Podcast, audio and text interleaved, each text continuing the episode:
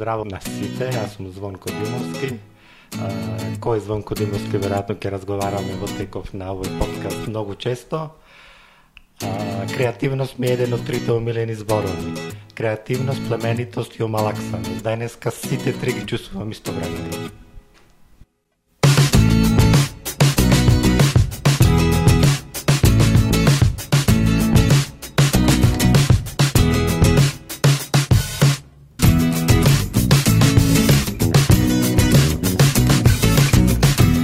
Тренирај креативност. Подкаст за мозачна гимнастика.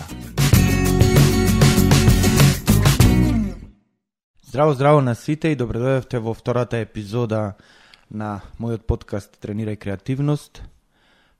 Подкаст во кој што јас ги поканувам е така речи најинтересните луѓе во нашиот град па и пошироко, кои што секојдневно на еден или на друг начин ја тренираат својата креативност и ги терам да зборуваат, односно да споделат, да споделат како тие тоа го прават. Со мене во ова мало наше импровизирано студио го имаме човекот кој што а, е идеен креатор и и моторот, односно и мозокот на она што се нарекува јавен простор, една една мощна интересна а, културолошка а, појава која што се случува во нашиот град во изминативе неколку години, а тоа е Звонко Димовски. Добре дојде. Здраво, Сашо, фала ти за поканата. А, во секое време, нели, првичната идеја ми беше заедно ние да го оствариме овој подкаст, но заради твојата нормално презафатеност која што ја имаш, а, решив нели сам да го да го спроведам ова, но сепак еве успеав да те седнам, да те чучнам ова столче, да, спод, да споделиме некои размисли во однос на тоа како ние ја тренираме креативноста. А, на почеток би сакал онака да те прашам да им објасниш на тие што не слушаат што е всушност јавен простор. А, така. А, на почеток само да кажам дека многу ми се допаѓа идејата дека се одлучи да правиш подкаст. Се надевам дека ќе еволуира ќе прерасне во нешто многу убаво, нешто конструктивно, креативно и провокативно. Сметам дека Пред такви треба да бидат работите, провокативни. провокативно, да. Провокативно и искрено, нешто што многу ни недостасува во наше во секојдневно живење. А, про, провокативно, добронамерно, критично. А, мислам дека како општество веќе имаме сериозен проблем со критиката, да не ја восприемаме лично секогаш. А, така да мислам дека ова е супер поле и платформа за изградба на еден таков концепт. Да се вратам на твоето првично прашање. Јас а, љубам јавен простор да го нарекувам иницијатива, зашто започна како а, градска ини, иницијатива, како и многу работи во нашиот град, посебно во градовите каде што а, до пред неколку месеци одењето на кафе беше задолжителна работа неколку пати во денот.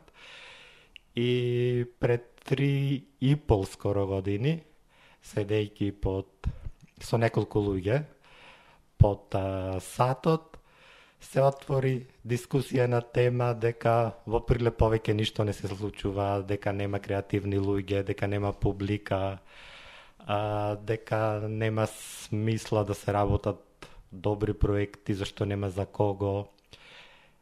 И веројатно во мене проработи Прилепскиот Инает, јас првично решив да докажам само дека е обратно. Да, да, да, да, да, нели и тоа се покажа. Да. Не само што се покажа, мислам дека дури ги надмина очекувањата а, моите секако. Апсолутно ги надмина моите очекувања. Поддршката кој што јавен простор ја доби. Ам, иницијативите кои може би не излегуваат директно од јавен простор, но ги иницираат понатаму да се создадат, да растат. А, многу важен дел од функционирањето на јавен простор, мислам бе, дека беше поврзувањето на луѓето.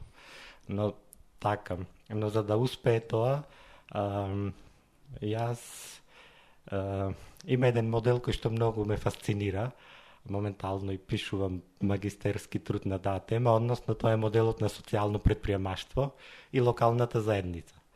Сметам дека ни еден проект не може да биде не може да биде успешен доколку не се вклучи локалната заедница, односно таа да се почувствува дека проектот, случувањето, настанот е нивни или да го имаат печатокот дека се ко-креатори на тоа што се случува.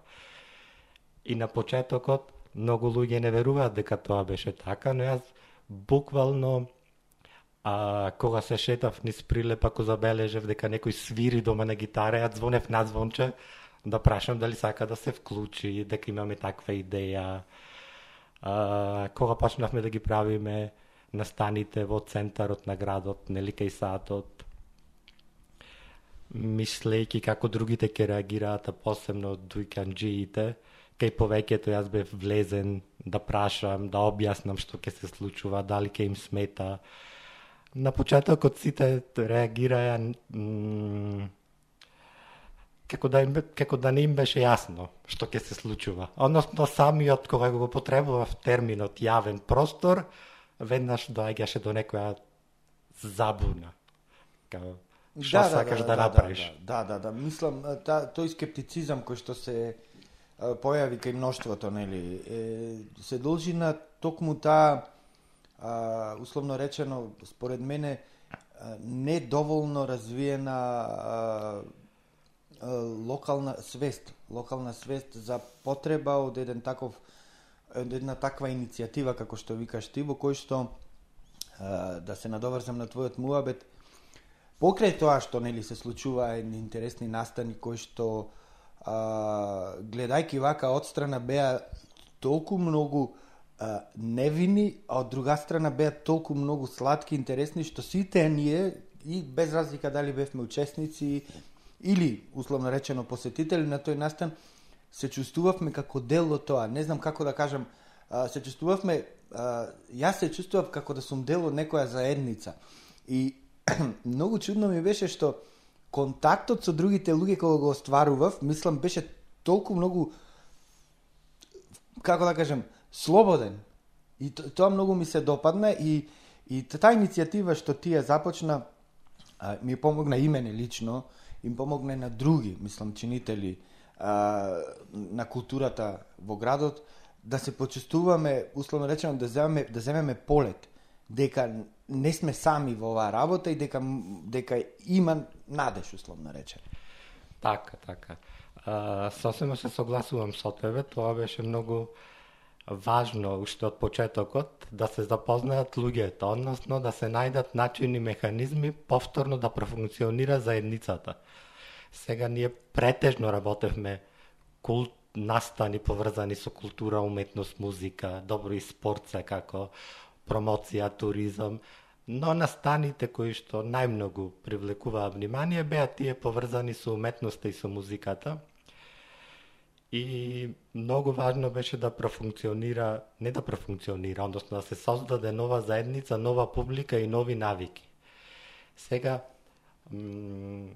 овај муавет кој што го правиме јас и ти, например, кога јас го правам со моите пријатели кои што живеат во развиени држави, е малку а, наивен, смешен и абсурден. Да, да, да, да, да. Заради тоа што нели во, во поразвиените држави тоа се смета како дел од Тоа е основата, на општественото да. живење. И сега, нажалост, поради нашите културни, политички, социјални и ред други случувања во изменетите 20 на години, работите за кои што ние зборуваме, а, го, а се дел од основните неколку нишки на општеството, нажалост се изгубиле. И дојдовме до момент да ги создаваме целосно од почеток. Да, да, да, да, да. да. И тоа што што викаш ти, а, создавање на на нова публика, а, имаше интересен феномен што а, всушност покрај тоа што се создаде нели нова публика и старата публика која што ние ја знаевме, која што присуствуваше на такви настани, почна да се враќа. И баш еднаш во еден разговор со тебе ти ми рече, јас мислев дека овие луѓе се иселени од држава, всушност да. тие се тука. Да. Односно, а, не почувствувале потреба да се вклучат на под наводници во тој а, условно речено културно забавен и социолошки аспект на, на, на битисување во градов. Така, тоа е сосема точно, тргнувајќи еве и од мене а, или од голем дел од моите брилски пријатели кои што едноставно а, престанаа да функционираат во секојдневието на градот, односно се повлекоа а, и како што кажа за дел од нив, јас немав имав чувство дека не се ни повеќе а, во градот. Значи, таа а, несебична а, идеја дека треба да создадиме нешто што се припаѓа на сите, а, мислам дека поврза многу народ и сега повторно би требало да направиме банален муабет, но, но во нашава во нашево обштествено живење, тоа е неминовно, нели да се создаде простор и место кај што сите ќе се чувствуваат еднакви или многу често на почетокот ем, сега ќе ќе ќе ќе ги кажам овие два-три збора, зашто многу често тогаш се повторуваа, иако се многу дури глупави. А, чаршиските муабети секогаш се нели наискрени. А, посебно дека другите мислат дека нема да, да биде дознаено, но многу често беше употребувана референца од типот на а, под сато не забава дошле и и СДС. Колку и да звучи глупаво, да. но кога ќе размислиме колку многу дозволивме политиката да биде дел од нашиот секојдневен, нажалост и семен живот. Да, да, да, да, да. До доаѓаме до заклучок дека мабетот и споредбата не била во суштина глупава. да, мислам, а, она што ние го како нели како македонци како народ а, она со која што ние секојдневно се замараме нели е таа политика а, каде што во нели во, во поразвиените земји на, за, во светот е дури е како да кажам, некултурно е да зборуваш за политика, нели? Политика, религија, кој колку заработува, тоа е, мислам, еден вид на табу тема, која што, нели, циклично се враќа оној пат кога што има потреба, не во нашето секојдневие. А, ми сакал да те прашам, а, во однос на јавен простор, а, што мислиш ти, кои фактори се потребни, односно кои се елементи се потребни за да се случи еден таков феномен. Јас го нарекувам феномен, бидејќи стварно се, се, се чувствуваше, како да кажем, за момент се чувствувавме сите како да не сме од Македонија. Так. Не знам дали ме разбираш. Да, да, те разбирам. А, сега би било нескромно од моја страна да зборувам премногу позитивно за тоа што работевме. Ама со право ти може а... да зборуваш. Значи со право заради тоа што тоа што се случува, да. да. Тоа што се случува, што се случуваше минатото лето, а, добро оваа година нели заради пандемијата мораше а, тоа да се стави така речи на некоја пауза, но тоа што се случуваше а, со, создаде а, ке луѓето создаде навика за нешто да се да. случува. Да. На луѓето тоа мислам дека пред се им беше неочекувано и нествојствено дека може да се случи настан кој што ги настане иницијатива, движење, кое што може да ги поврзи сите и да разбуди интерес кај сосема различни групи на луѓе. Сега, за да таквите проекти бидат успешни, неколку работи се, се клучни. Јас ќе се обидам да споменам некои што сметам дека што забележав дека а, од перспектива на Прилеп како град и како заедница испадна дека се клучни. Дел од нив сигурно ќе ги анализираме малку и пошироко. А, а тоа е да смислиш да најдеш соодветен начин како да ја поврзиш локалната заедница, како да ја вклучиш, тоа е твоја обврска. Ако си се нафатил и си решил да осмислиш проект кој што ќе биде градски и се дрзнуваш да го користиш јавниот простор, кој што припаѓа на сите, треба да најдеш начини како да ја ам, поврзиш локалната заедница, како да се вклучу, како таа да се почувствува дел од сите настани, како да ја убедиш да излези во тој јавен простор, а, како да поврзиш различни а, луѓе, поврзувајќи ги луѓето веќе го започнуваш процесот кој што сметам дека е клучен, односно се создава заедница и многу полесно потоа почнуваат да функционираат работите. Зашто ти знаеш каде може да се обратиш. Мислам дека делумно и тоа е едно од најубавите работи што успеа да ги направи јавен простор, тоа што сега кога ти или оперска пеачка од градот или дете кое што сака да ја сними својата прва песна, веќе знае каде да се обрати, не мора да лута. Да, да, да. Ги да, извадовме да. на површина повеќето, сигурно не сите, луѓе на, на површина. А, второ, а, да се разговара многу со локалната заедница на убедувањето да заживее повторно убедувањето дека јавниот простор припаѓа на сите и дека корисници на јавниот простор сме а, сите. Трета а, важна а, работа секако а, како а, иницијатива која што не е правен субјект, која што не заработува, која што има повремени многу нередовни финансиски поддршки од другите, тоа значи дека многу потребно е неколку градски институции да застанат зад иницијативата или проектот и сега отвореноста на институциите во градот кои што би требало да помогнат на вакви луѓе или на вакви иницијативи е многу дискутабилно прашање. да, да, и за тоа би сакал после да, да, да поразговараме малку. Токму за да. таа, условно речено, а, поддршка која што институциите а, треба да ја даваат на ваквите иницијативи да ги поддржуваат. А, само колку за а, а, за илустрација дали би сакал само да спомнеш неколку од активностите кои што беа во изминативе години а, се случува на јавен простор, само колку за нашите слушатели да да, да си дадат една илустрација, односно една слика. Така.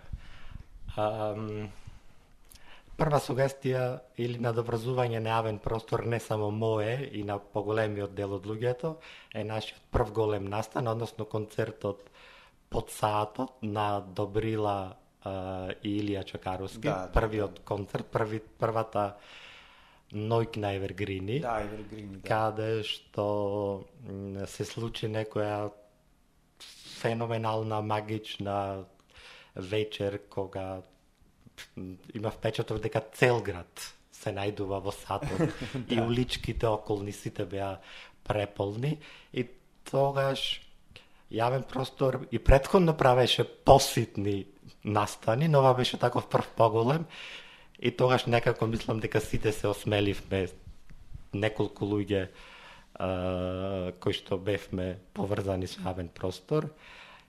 И од тука почна тематските забави кои што ги правевме во сатот, како стар, во вид на старите матинеја, затоа и беше одбран недела како ден, каде што се случуваа многу тематски вечери кои што беа секогаш осмислени.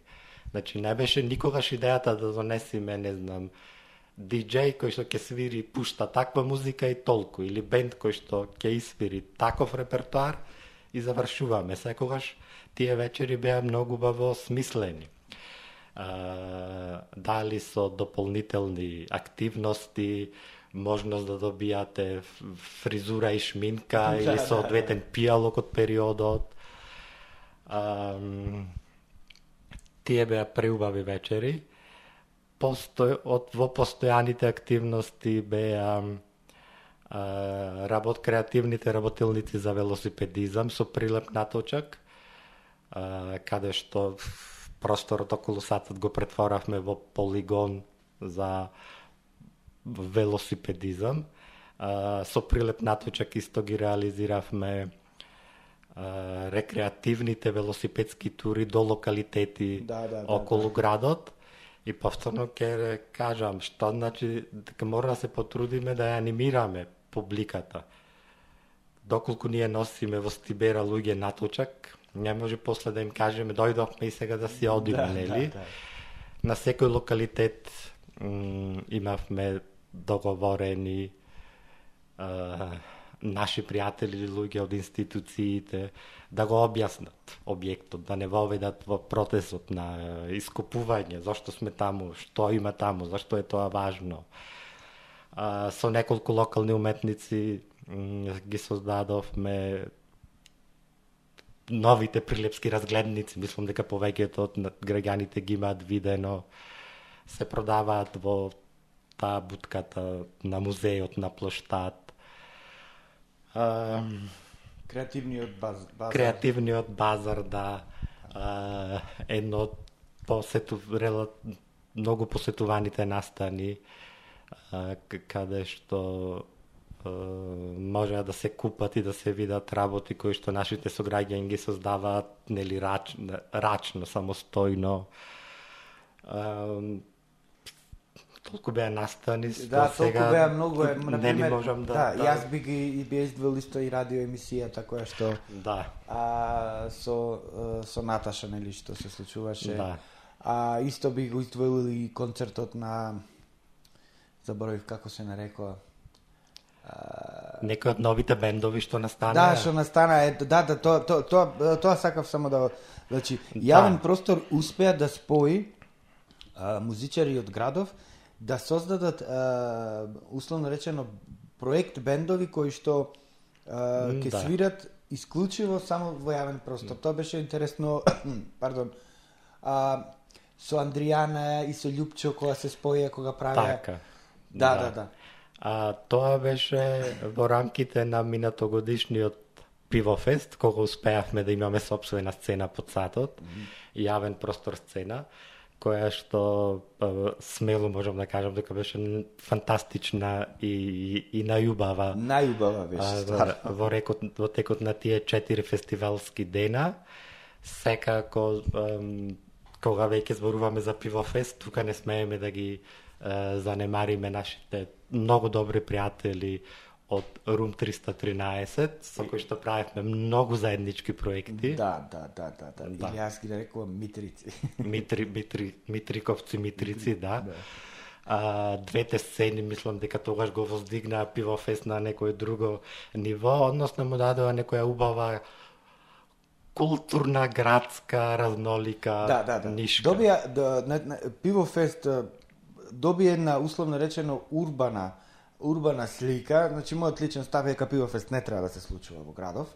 А заради икс причини не би сакал сега да ги дискутирам, но а, она што токму Митрици, односно Рум 313 а, докажа е што а, нели имаше еден вид на верување или предрасуди зошто толку години наназад немаше сцена таму на камената бина, заради тоа што нели се справиле проблеми, имало тепачки, имало не знам што, на крајот испадна сосема спротивното, тоа беше стварно а, Да.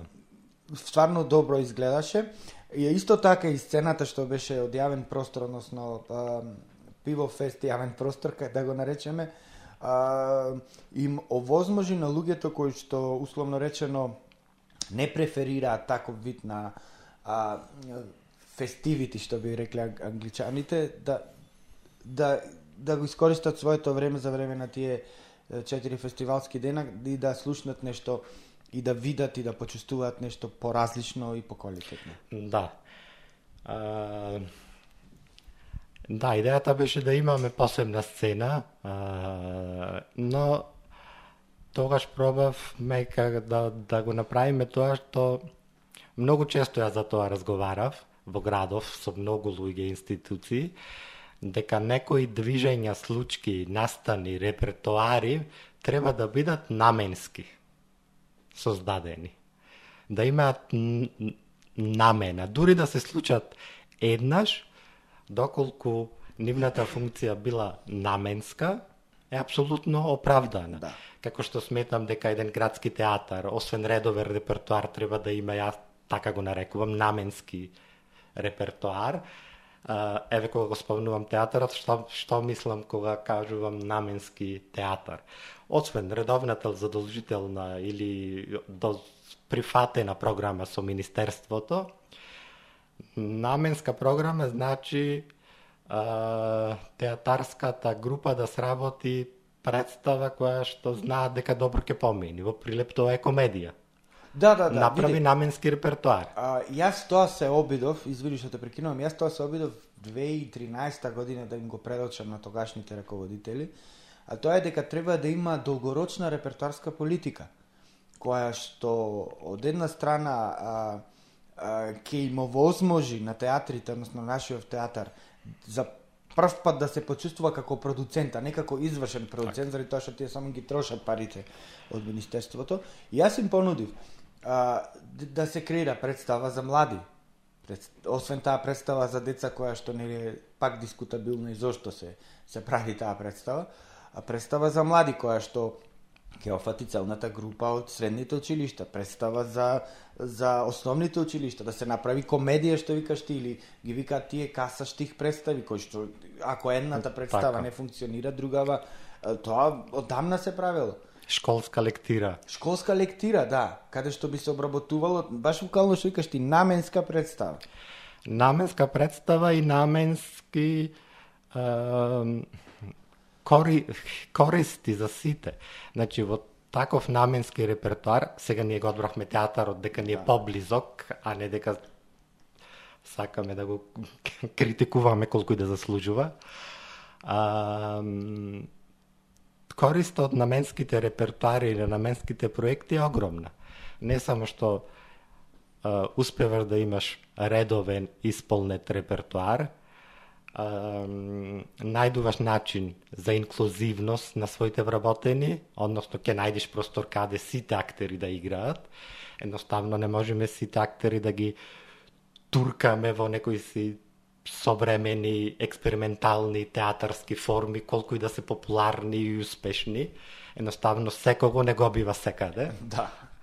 И затоа треба да постојат тие нели наменски репертуари што што се нели секаде пракса, не само за пополнетост на репертуарот, туку и на буџетот на институцијата. Нормално, нормално. Иронично, тие ќе бидат најпродаваните представи. Да, да, да, да. И тоа е, мислам, тоа за жал е една трагедија каде што а, каде што е труло одвнатре. Не само во театарот, и на секаде, особено на пример во таквите институции каде што нели уметниците а, за жал се на државна плата, за жал, за среќа за жал како се на државна плата и некако а, на некој од нив, чесни исклучоци, им одговара да не играат во представи, туку да си седат дома и да си земаат плата. И а кога сите би биле вклучени, а, мислам дека, односно заедницата, обштеството во, во нашиот град конкретно би а, би го препознала тоа. Би го препознала тоа, не а, да се, не знам, а, да се представа да се игра премиера и уште неколку репризи, после тоа ајде насила да носиме публика во театар. Да, значи никој не може да ме убеди дека Прилеп како град а, нема публика и нема потреба од културни настани. А, апсолутно има. Низ минативе неколку години сите а, проекти, иницијативи кои што ги покренавме, еве ние како јавен простор, твојот приватен театар, малиот прилепски театар, Рум 313 и, и уште неколку Да, да, такви да, да, иницијативи да, што це- се родија во градот, Тоа исто Центарот за современи ликовни уметности. Така, кој така. што, да. кој што соработува скоро со сите Да, да, да, да, многу да, да, да. На ваков или на ваков начин некако а, сите сме вклучени на секаде. Тоа тоа е Да. мощно интересно и, и не, не, не, не, не чувствуваме условно речено а, тежина или обврска за да учествуваме туку напротив, чувствуваме потреба за да помогнеме. Да, но меѓу другото тоа е зашто ние взаимно колку и предходно да не се познававме, та- така јас до пред три и пол години не те познавав. Да. Преку овие процеси и проекти кои за кои што разговаравме, ние сме се убедиле взаимно, цела ова група на луѓе што многукратно веќе ја спомнавме, дека може да си веруваме на себе си.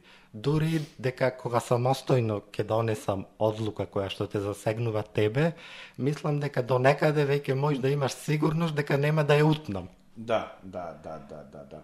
А Тоа е многу да, важно. Тоа беше а, така заради тоа што а, не не а, за сега а, не знам личните интереси, егата или не знам карактерите кои што ги имавме, туку напротив нас не засегаше она што треба да се случува. Проектот го стававме Така. пред нас, на средина и работевме.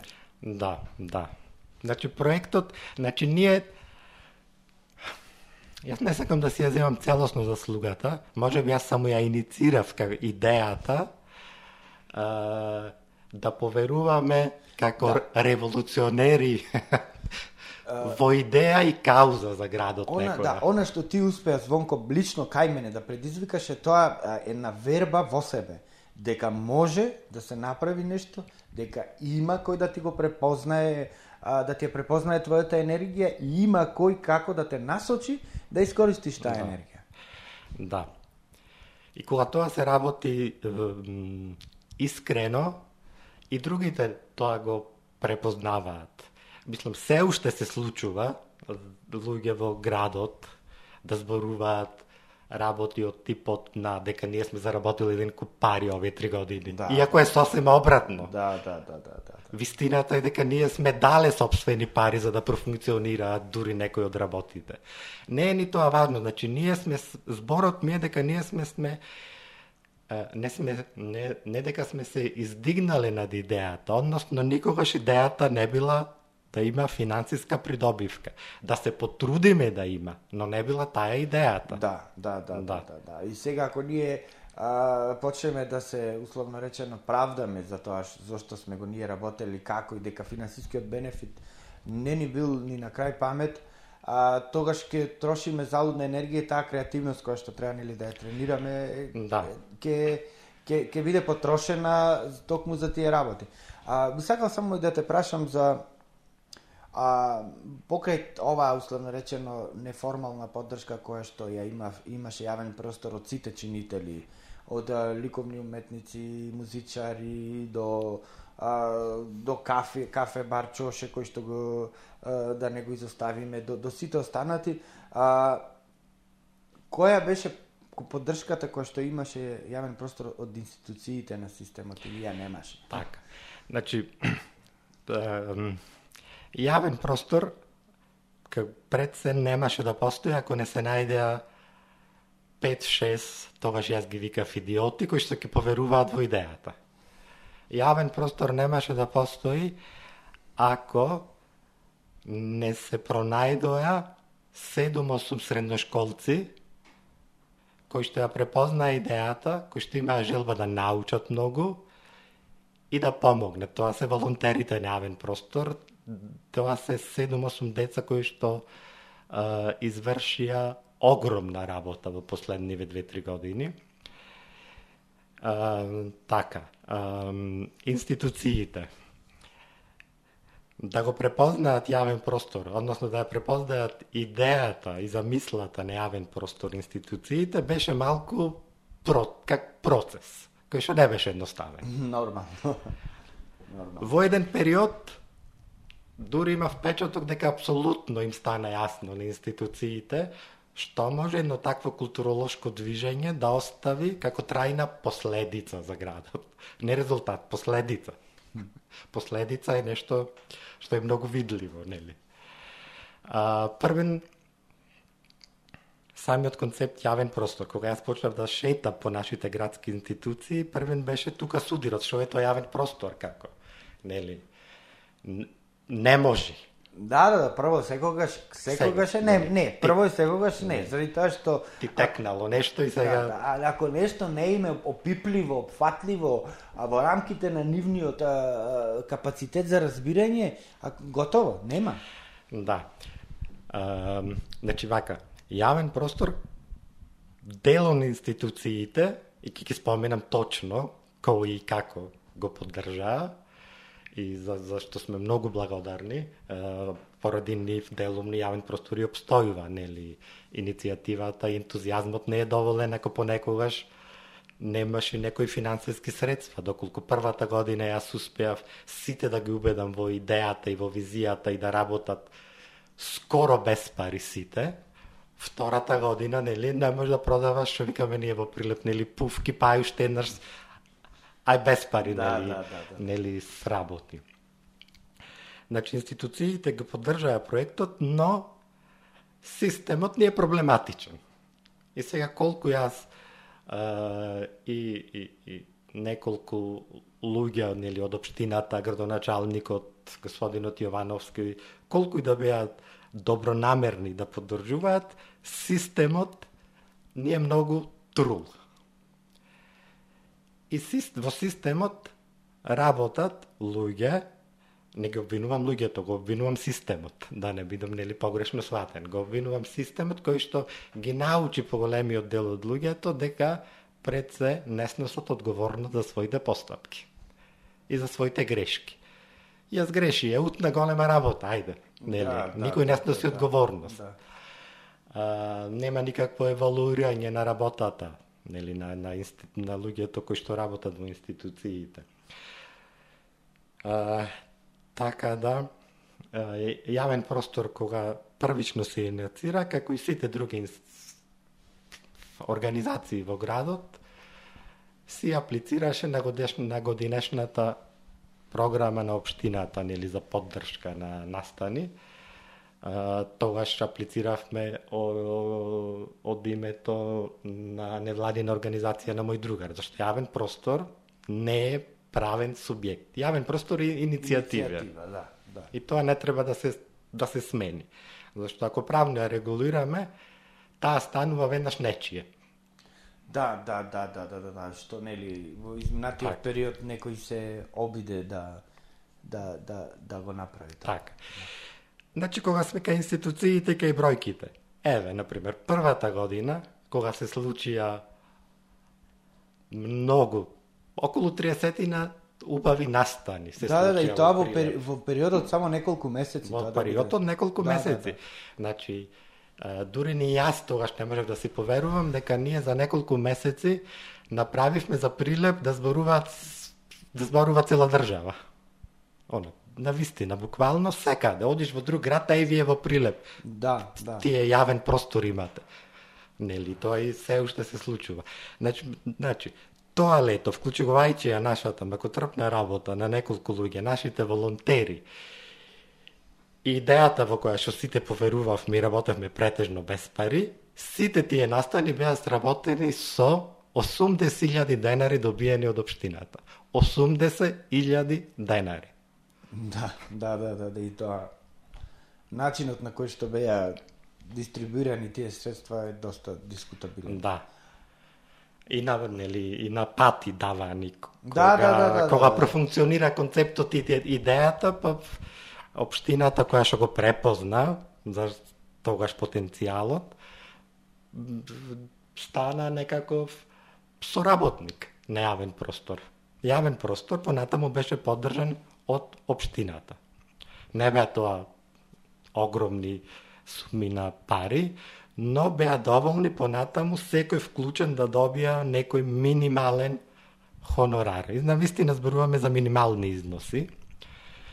А, да, јас дури би кажал дека сум задоволен од од соработката со општината на, на тие две години, а, но, на, но така понекогаш чувствувам без код општината или кон неколку луѓе таму од друга причина. Па не од финансиска причина. Ам, символично, многу важно е во ова што го работиме и што зборуваме јас и ти, символиката. Значи, ние, од место кое што беше релативно запуштено, не естетски. Естетски, площадчето околу сатот секогаш било горе-долу средено. Да. Но не било место за функционирање. Бил Да, да, да. площадот од другата страна, нели? И се таму се случуваше.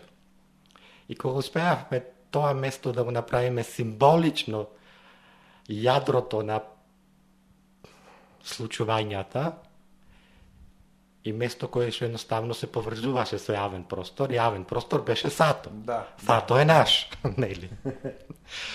Е, тоа што не ми се допадна, например, од, од, а, од аспект на функционирање на нашите институции, е моментот кога не можат да одлучат дека не треба секаде да бидат присутни.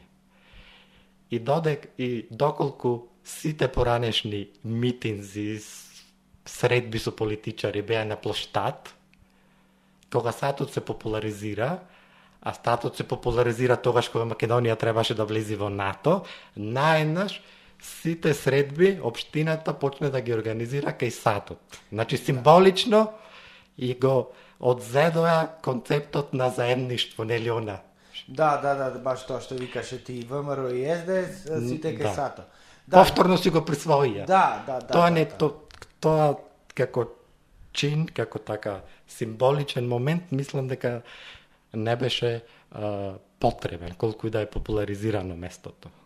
Јасно, има има еден куп локацији локации низ градов каде што можат тие, нели политички митинзи да се случуваат, но едноставно нели а, токму то, тие случувања кои што а, кои што се случува за време на тие митинзи беа еден јас ги, сватив како еден обид за за валкање на на на на, на чистината и на таа невиност која што реков ја, ја има Така јавен простор. А, јас сепак мислам да, ти што го кажуваш тоа општината а, бе поддржала со а, поентата е што а, мислам дека институциите на системот а, односно општина Прилеп а, конкретно не само што треба да не знам а, вика да, да ти додели средства и, и при тоа ајде еве работи и ние да условно речено да ја земеме заслугата.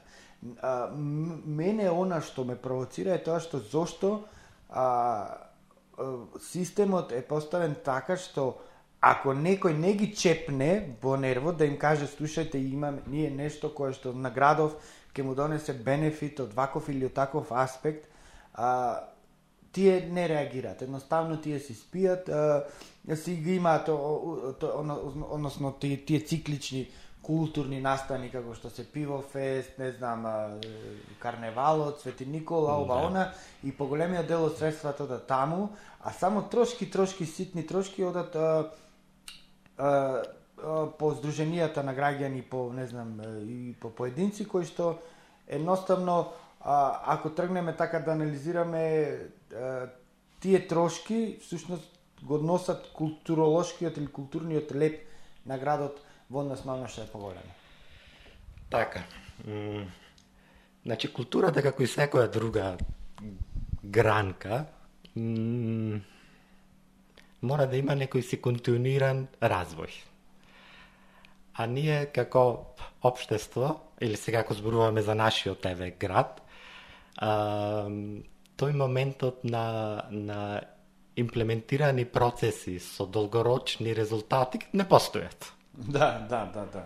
Не постојат. За жал, за жал. И никој не ги согледува, не ја согледува потребата за долгорочна стратегија и имплементација на Да, такви да. проекти. Може би никој доволно во себе си не верува за да имплементира долгорочен проект или не верува дека ќе поврзи луѓе околу себе, зашто изминативе години неколку пати, на пример, ми се ми се пројави како ем, заклучок дека секогаш кога одам некаде со некаква иницијатива која што на еден, двајца, тројца луѓе вработени на државниот будек ќе им отвори малку работа, по правило е одбивана. Да, да.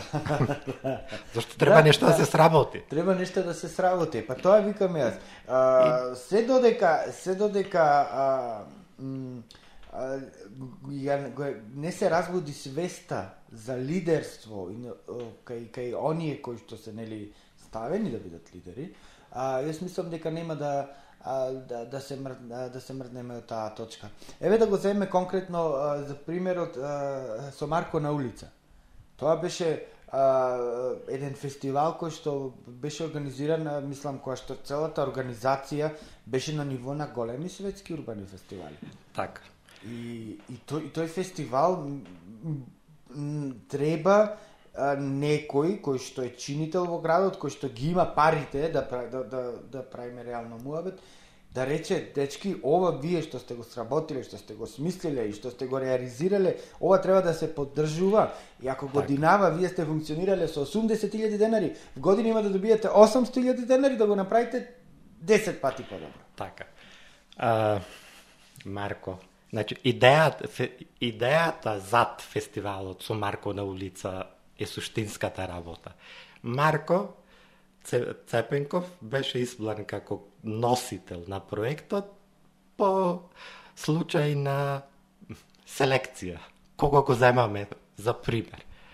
Така, а, пошто идејата на која што јас и Центарот а, за современа ликовна уметност. А, ти беше тука вклучен. А, е реактуализацијата на културното наследство, кое што тоа е тема која што мене многу ме фасцинира и, и, и со која што научно порано сум се занимавал додека сум работел на факултет. И сметам дека реактуализацијата е процес кој што мора да се случи. Да, Инаку да. нема континуитет на а, ние тука љубиме да употребуваме такви зборови на битот, на народниот да, бит, да, да, на кодот. Да, интересна, интересна е таа реактуализација што беше погледната низ призмата на, да, на денес. Да. Да, да се најдат механизми да се реактуализира тоа што не направи, што не прави как е, компактни како народ заедница. Нели, тука идејата јас со Марко Цепенко тогаш на наједноставно ја објаснував, кога ќе дојдат младите на фестивалот да имаат впечаток дека Марко Цепенков е Хари Потер.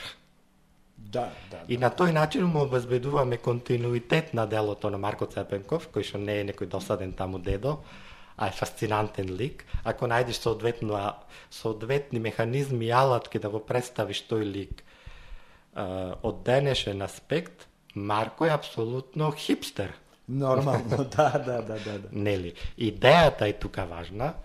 А, ние имавме идејната замисла беше огромна, нели, идеите кои што сакавме да ги работиме, нели, тука. Може да целосни фестивали можат тематски да се осмислат за Блаже Конески, Кил Ристески, за навиките во градот.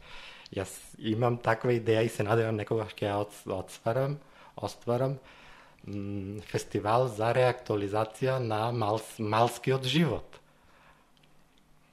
И, и сега повторно да се вратиме на системот. Ние сработивме супер проект, многу, многу иновативен, многу поразличен. Првата средба во Министерство за култура беше дека е прерано да го правиме, например. Дека е премодерно. Иако е нешто што се случува нели? Да. А но, но добро. Еве, ги разбирам дека го сместуваат наставнат во концептот на нашето разбирање на уметноста и на, и, и, и на културното наследство. Но ете се случи и првата година фестивалот можеше да си дозволи да изгледа како светски фестивал, зашто го поддржа и Министерството за култура и Обштина Прилеп. И еве, еве зборувајќи за системот. Имаше луѓе од министерството, нели, кога пошто дадоа солидна сума. Да, да, да, да проверат, нели? Да, да, да, да, да, да. И втората година по предлог на самото министерство ние аплициравме во програмата а, од национален интерес. За да добиваме 50.000 денари, кои што не не ги оскористивме едноставно. Да, да, да, да, ма мислам, кој е тој фактор? Повторно го нема континуитетот. Како да градиш, нели, а, бренд, а ова е потен...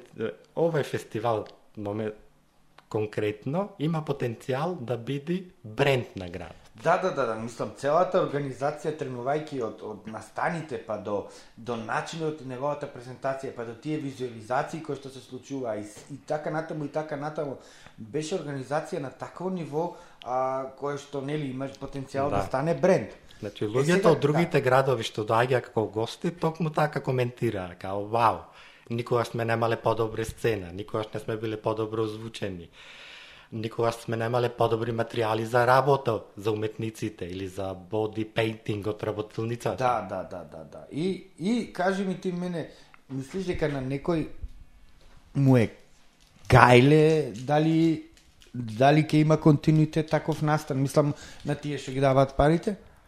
Треба да му е гајле. Знаеш, знаеш од која банална причина. Јас и многу пати така имам пристапено кон политичарите, наискрено. Многу, со многу банален муабет. Кој што е во суштина банален. Да, банален. Значи, моето мислење е вакво.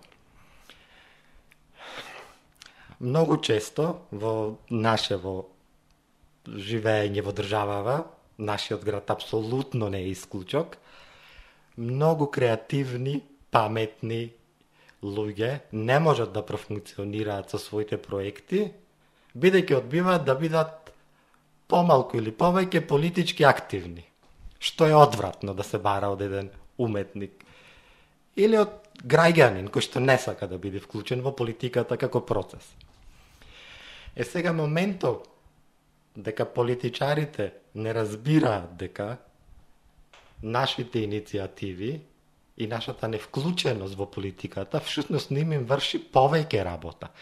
Зашто нашата активност, која што не е поврзана со една партија или со друга, прави граѓаните да имаат афирмативен пристап кон својот град. Ако јас го доживувам афирмативно својот град, неважно дали поради звон, косаша, театарот, музеот, да.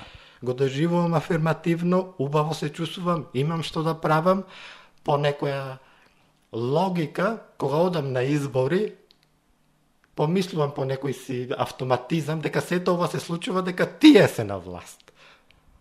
Значи, иронично, бидејќи се во нашава да. држава е од аспект на колку гласови носиш, така независните иницијативи, афирмативно поддржани од граѓанството, носат повеќе гласови од тие кои што се на платен список и треба да донесат список со гласови. Да, ма за жал на никој не го разбира, мислам, политичарите не го разбираат тој факт. Ако го разбраат тој факт, Доволно е политичарите да дадат понекогаш отворени раце. Тоа што Ама значи, не што нашиот... што ме а, што е она што мене ме провоцира. Тој ти вика, да, имаш отворени раце за работа и после тоа, после некој време кога ќе види дека а, условно речено излегува од негова контрола под наводници, тој се обидува то, тие браце да ти ги врзе.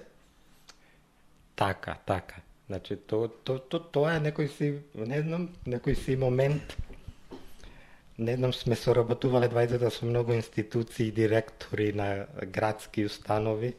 Тоа е, не знам како да им се вклучува некој банален момент на страв кој што јас не го разбирам дека сакам да му ја земам работата. Не, никош не сум сакал да работам во државна институција. не на крај паметно не, не ми било тоа. Ама не, не, не, не, тие не разбираат дека напротив со тоа што ти ја работиш работата која што тие треба да ја работат за која што се платени, Така. И ми ја завршуваш ти нивната работа. Така.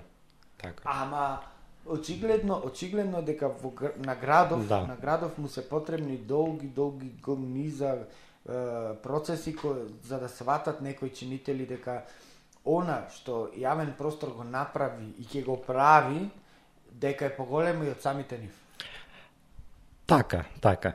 Значи, аз пак ќе се навратам кон а, луѓето, неколкуте луѓе или, или организации што некако јавен простор им помогна да се популаризираат. Луѓето што се поврзаа меѓу себе и работат сега независни проекти, кои што некако ние ги инициравме И, и, и да, а, или волонтерите кои што јас ги споменувам. Значи, кои што дел од нив сега веќе се запишани на факултети, но, но и ја шират, ја шират идејата. Значи, најубавото тогаш кога јавен простор почне да функционира со луѓето кои што се културно активни во градот и со волонтерите, е дека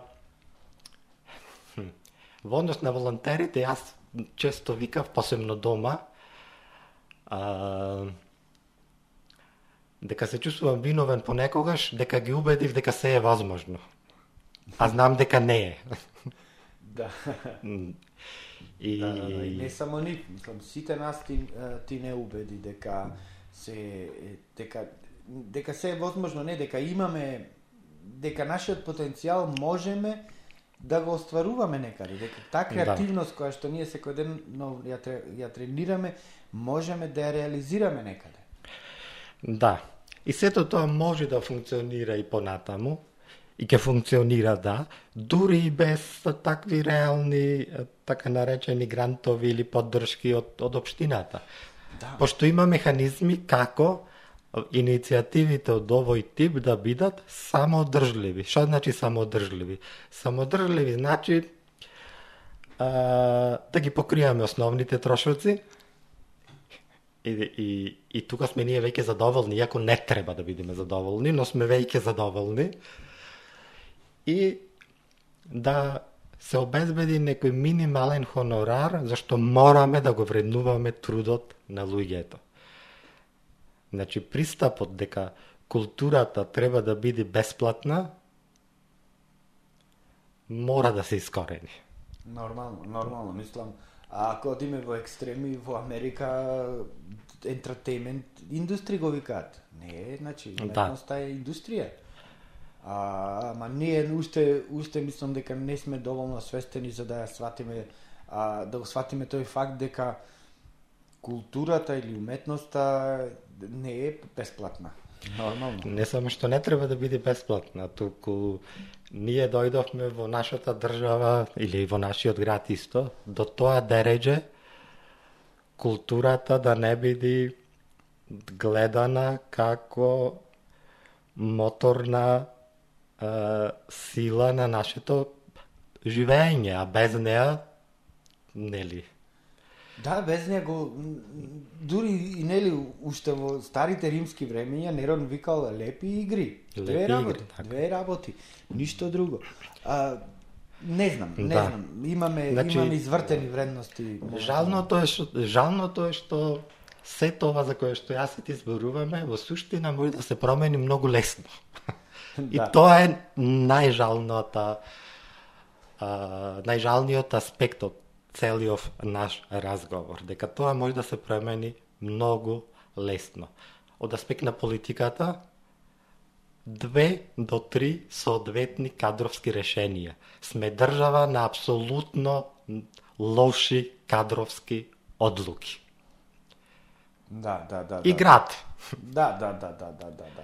На лоши кадровски одлуки. Доколку некој сака да биде, не знам, има амбиција, партијата кажува, системот кажува дека треба да биде директор во ред, нека биде директор. Но нека најди механизми да ја анимира заедницата. Значи, а, хм, објектот во кој што ние се најдуваме, например. Дом за култура Марко Цепенков. Јас кога се шегувам, сега малци ќе звучи арогантно, но ќе го кажам. Нека звучи, нека звучи. Јас кога зборувам за Марко Цепенков дека треба да одам нешто да направам, со моите пријатели, викам дека одам во информбиро, а не дека одам во Дом за култура. И затоа една од причините зошто има многу малку публика на настаните во Марко Цепенков, не е зашто нема публика, зашто долгогодишното раководење на ова институција направи обратен ефект луѓето да не се чувствуваат пријатно во институцијата и ја одбегнуваат и тоа да, е вистина. Да, да, да, да, да, да, да. Целосно се согласувам. Јас сум овде, не знам, 24 5 години сум овде активно сум а, сум вклучен веќе 5-16 години и тоа е тој систем каде што а, да се функционира за да не се функционира, е, одамна влече корени. Не е, мислам, ова резултат на една или на друга власт. Да се функционира, да не се функционира. Токму еве баш а, и за тоа би сакал да да поразговараме, а тоа е она што се случуваше изминативе неколку месеци, да го наречеме култура за време на корона. А, а тоа е што ти успеа оваа година а, без разлика на се тоа што се случува а, епидемиолошки околу нас и во светот, а, да направиш пак еден проект. А тоа е условно речено реприза, не реприза, туку а, а, уште еден концерт на Добрила Грашевска, Илија Чакаровски и Кристијан и Ристевски. Христијан Ристевски, а, кој што се случуваше во, во а, летната бавча или како се вика при Центарот за култура, каде што а, за разлика од ставот кој што го имаат некои кој што викаат абе кој сега корона има, луѓето се плашат, бла бла бла. А, ти успеа а, тој концерт да го наполниш со публика, односно да го распродадеш за помалку 24 часа. Така. Um, први тука мало објаснување зошто јавен простор не функционираше. Зашто идејата на јавен простор е настаните да се случуваат во јавен простор, Да. не во затворен. А поради случувањата со пандемијата, мерките на заштита, јавниот простор отпадна како ко- ко- концепт. А, така. И уште една мала дигресија која го спомнавме Христијан. Значи, меѓу другото, неколку пати јавен простор направи на неколку деца да му се исполнат некакви не знам дали да го потребиме зборот соништа или желби, mm -hmm. нели? А, тоа е, например, бендот во кој што исто членува Христијан, триби, нивниот та долгогодишна желба за трибјут за На Pink Floyd. на Pink Floyd. Да, да, да, да, да. Фантастичен концерт. нели? Фантастичен концерт, поздрав до, до сите дечки кои што, нели, своите проби ги правеа овде токму во ова студио. И Еве, пак дигресија. Ќе се вратиме на тоа што ме праша. Обожавам да правам дигресии. Кога веќе го спомнавме Pink Floyd концертот. Тоа чествување, празнување на 11 октомври е идеален пример како, сега парите ги ставам на страна, независните уметници може да профункционираат со градот и со општината. Париве ги ставам на страна. А, не се секогаш најважни. да, да. Значи, такво празнување на еден празник, мислам дека никогаш немало, не само Прилеп, воопшто. Да биде толку убаво, безпрекорно, племенито, иновативно, а, 3D мапингот, Ненаметливо. ненаметливо. Значи, 3D, о, 3D мапинг од тој аспект сработен од тебе и од луѓето со кои што ти работеше, нели Мартин и уште неколку, за толку кратко време и толку компактно сето тоа изгледаше. А, нели, тоа беше една вечер народски кажано да паднеш на газ, колку беше да, убаво. Да, да, да, да, да. Да. Онака имаше и, доста и голем Да. наплив на емоции. На емоции, Всичко, зашто, Да, да, да. зашто тоа е она што јас не дека сум обожавател на Америка, ама сум обожавател на американскиот концепт на размислување. Америчко славење, нели? да. Вид на америчко славење. И сега да се вратам назад. Ковидот или културата за време на корона повторно бидејќи сме некако сконцентрирани со муабетот на нашиот град, од аспект на нашиот град, мојот концерт или концертот на јавен простор и представите кои што ти во тој период ги сработи, повторно го покажа она дека има и публика, дека има заинтересирани луѓе и уште не, уште подобро. Има публика која што знае на што сака да поиде. Да. Да. Значи. И бидејќи овие настани во тој период не беа поддржани од општината или од друг субјект, сами се финансиравме. Затоа прв пат јавен простор а, имаше билети на некаков свој настан, но доколку иницијативите мора да профункционираат, понекогаш е неминовно, нели да. таков.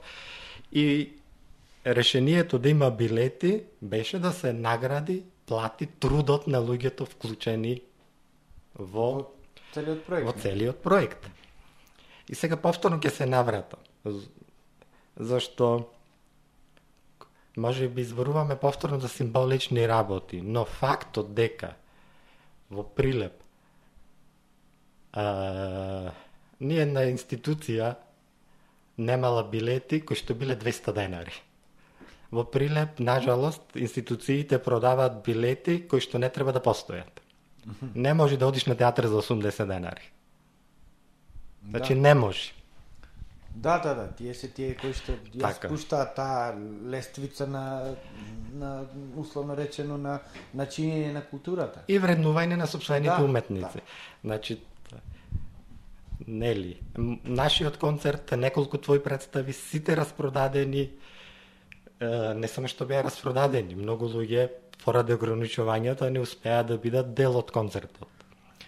Значи дека се тоа што ние го разговараме предходниот час и трудот кој што сме го вложиле предходните 2-3 години, вродил со, со, со некаков плод, дека сепак сме изградиле некаква нова публика која што а, е способна да вреднува а, сега ние сега ние се што е малку подобро, но тука веќе го нарекуваме поинакво, иако е сосема обично. Да, да, да, да, да. Така?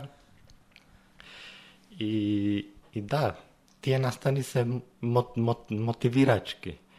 И дека има потреба, дека луѓето сакаат и дека треба да се прават. И колку е важна независната сцена за еден град. нели, ние сме поколенија кои што е, се образовале, растеле, се восхитувале токму на луѓето кои што ги создавале алтернативните движења во нашиот град кога сме растеле. Да, да, да, да. И тој модел не треба да се промени. Тој модел треба да се и да се брани и да се да се возобнови. А државните институции, доколку системот не им дозволува поради различни правни одлуки, зашто секогаш се најдува нели оправдување зошто нешто не може да се случи. Доволно е да бидат отворени за се работка и да, те, да не те саботираат. Да, да, да, до, доволно е, доволно е само да не те саботираат, ништо друго. Да. Да не те саботираат, а нели ова морам да го спомнам за Марко на улица, имавме и саботажа, која што можеше нели да премине во една голема трагедија, а, која за среќа беше а, лоцирана и брзо спречена. А, да. Има ли надеж една ваква иницијатива како што е јавен простор или има ли можност да функционира е, сосема независно? Секако дека има а, можност, ам, но тогаш би морало да и се најде некаква правна рамка, нели, ако покренеме субјект кој што мора да заработува, тогаш мора и правно да го а, регулираме. А, нели, не е идејата да работиме така како што критикуваме дека работат другите. Јавен простор јавен простор е идеја концепт кој што а, треба да живее. Тој не мора да биде мој. Јас, например, не ги создавам потоа со таа намера работите за да бидат мои. Јас воопшто како човек функционирам на тој начин дека создавам нешто и обично губам интерес кога ќе го структурирам. Зашто треба некој друг да го преземи, да го води. Да, и сега да. ние сме разгледувале многу можности идеи како тоа да се а, да функционира понатаму. дали да се регистрира како организација, здружение, па да аплицира на, нели, на повици, на грантови. Имаше идеја и се разговараше и за тоа со општината јавен простор едноставно да стане дел од официјалната програма за култура на општината, mm -hmm. како де, нели како дел, но веќе нивни проект. Или да се отвори некој вид на а, креативна агенција, веројатно би било соодветно име, бидејќи не би се занимавала таа агенција или тоа биро или тоа канцеларија само со организирање на кое на концерти, туку со креативноста како процес. Цел Да, и се разми, размислуваме на тоа, да, размислувам и јас.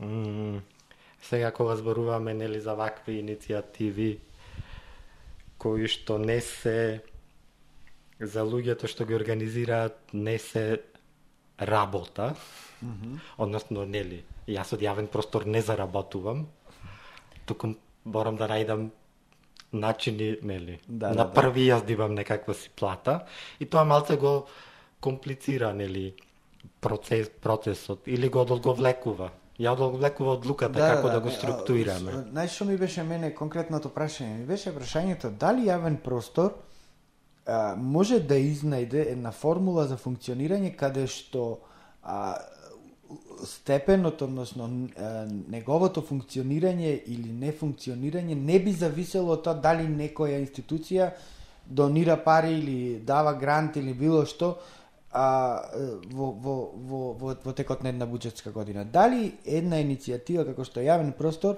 може да обстои доколку ги нема тие пари? Мислам дека да, и дека може тоа да се случи на овој начин, за да го занемариме, например, тоа правно регистрирање, зашто јас искрено немам таква желба и потреба јавен простор да го регистрирам како суб, како тело субјект, и субјект. Да, да, немам таква потреба. Да. Но, тоа може да се направи во соработка со културните институции во градот. Бидејќи јавен простор има и способности, и знаење и многу добро ја менаџира културата, знае тоа, или има осет да, да, за тоа.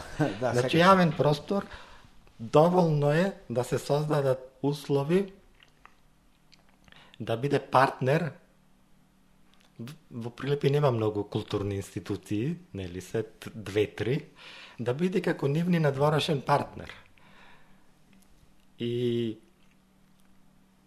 да ги организира своите настани, своите случки во рамките на Марко Цепенко, во рамките на музеот, во рамките на а, музеот за Тутун, во рамките на Институтот за старословенска култура и носители на проектите можат да бидат институциите, што им оди апсолутно во прилог Како на институциите.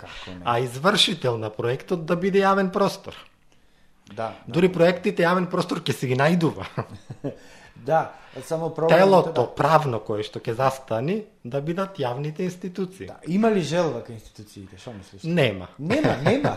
нема никаква желба. Еве, конкретно ќе го искористам овој простор да кажам дека нема желба никаква за соработка. Јас веќе неколку години се обидувам овој театар да го може звучи грубо да го институционализирам, односно да си се врати о, о, Младинското драмско студио при Центарот за култура, во каде што а, овие млади деца кои што идеа, кои што доаѓаа, кои за жал сега не доаѓаат заради што? Заради пандемијата, што? Заради околностите во кои што се наоѓа театарот, а, може да доаѓаат а, па, ослободени од секакви притисоци, тоа вклучително и финансиските, финансиските трошоци, но нема слух.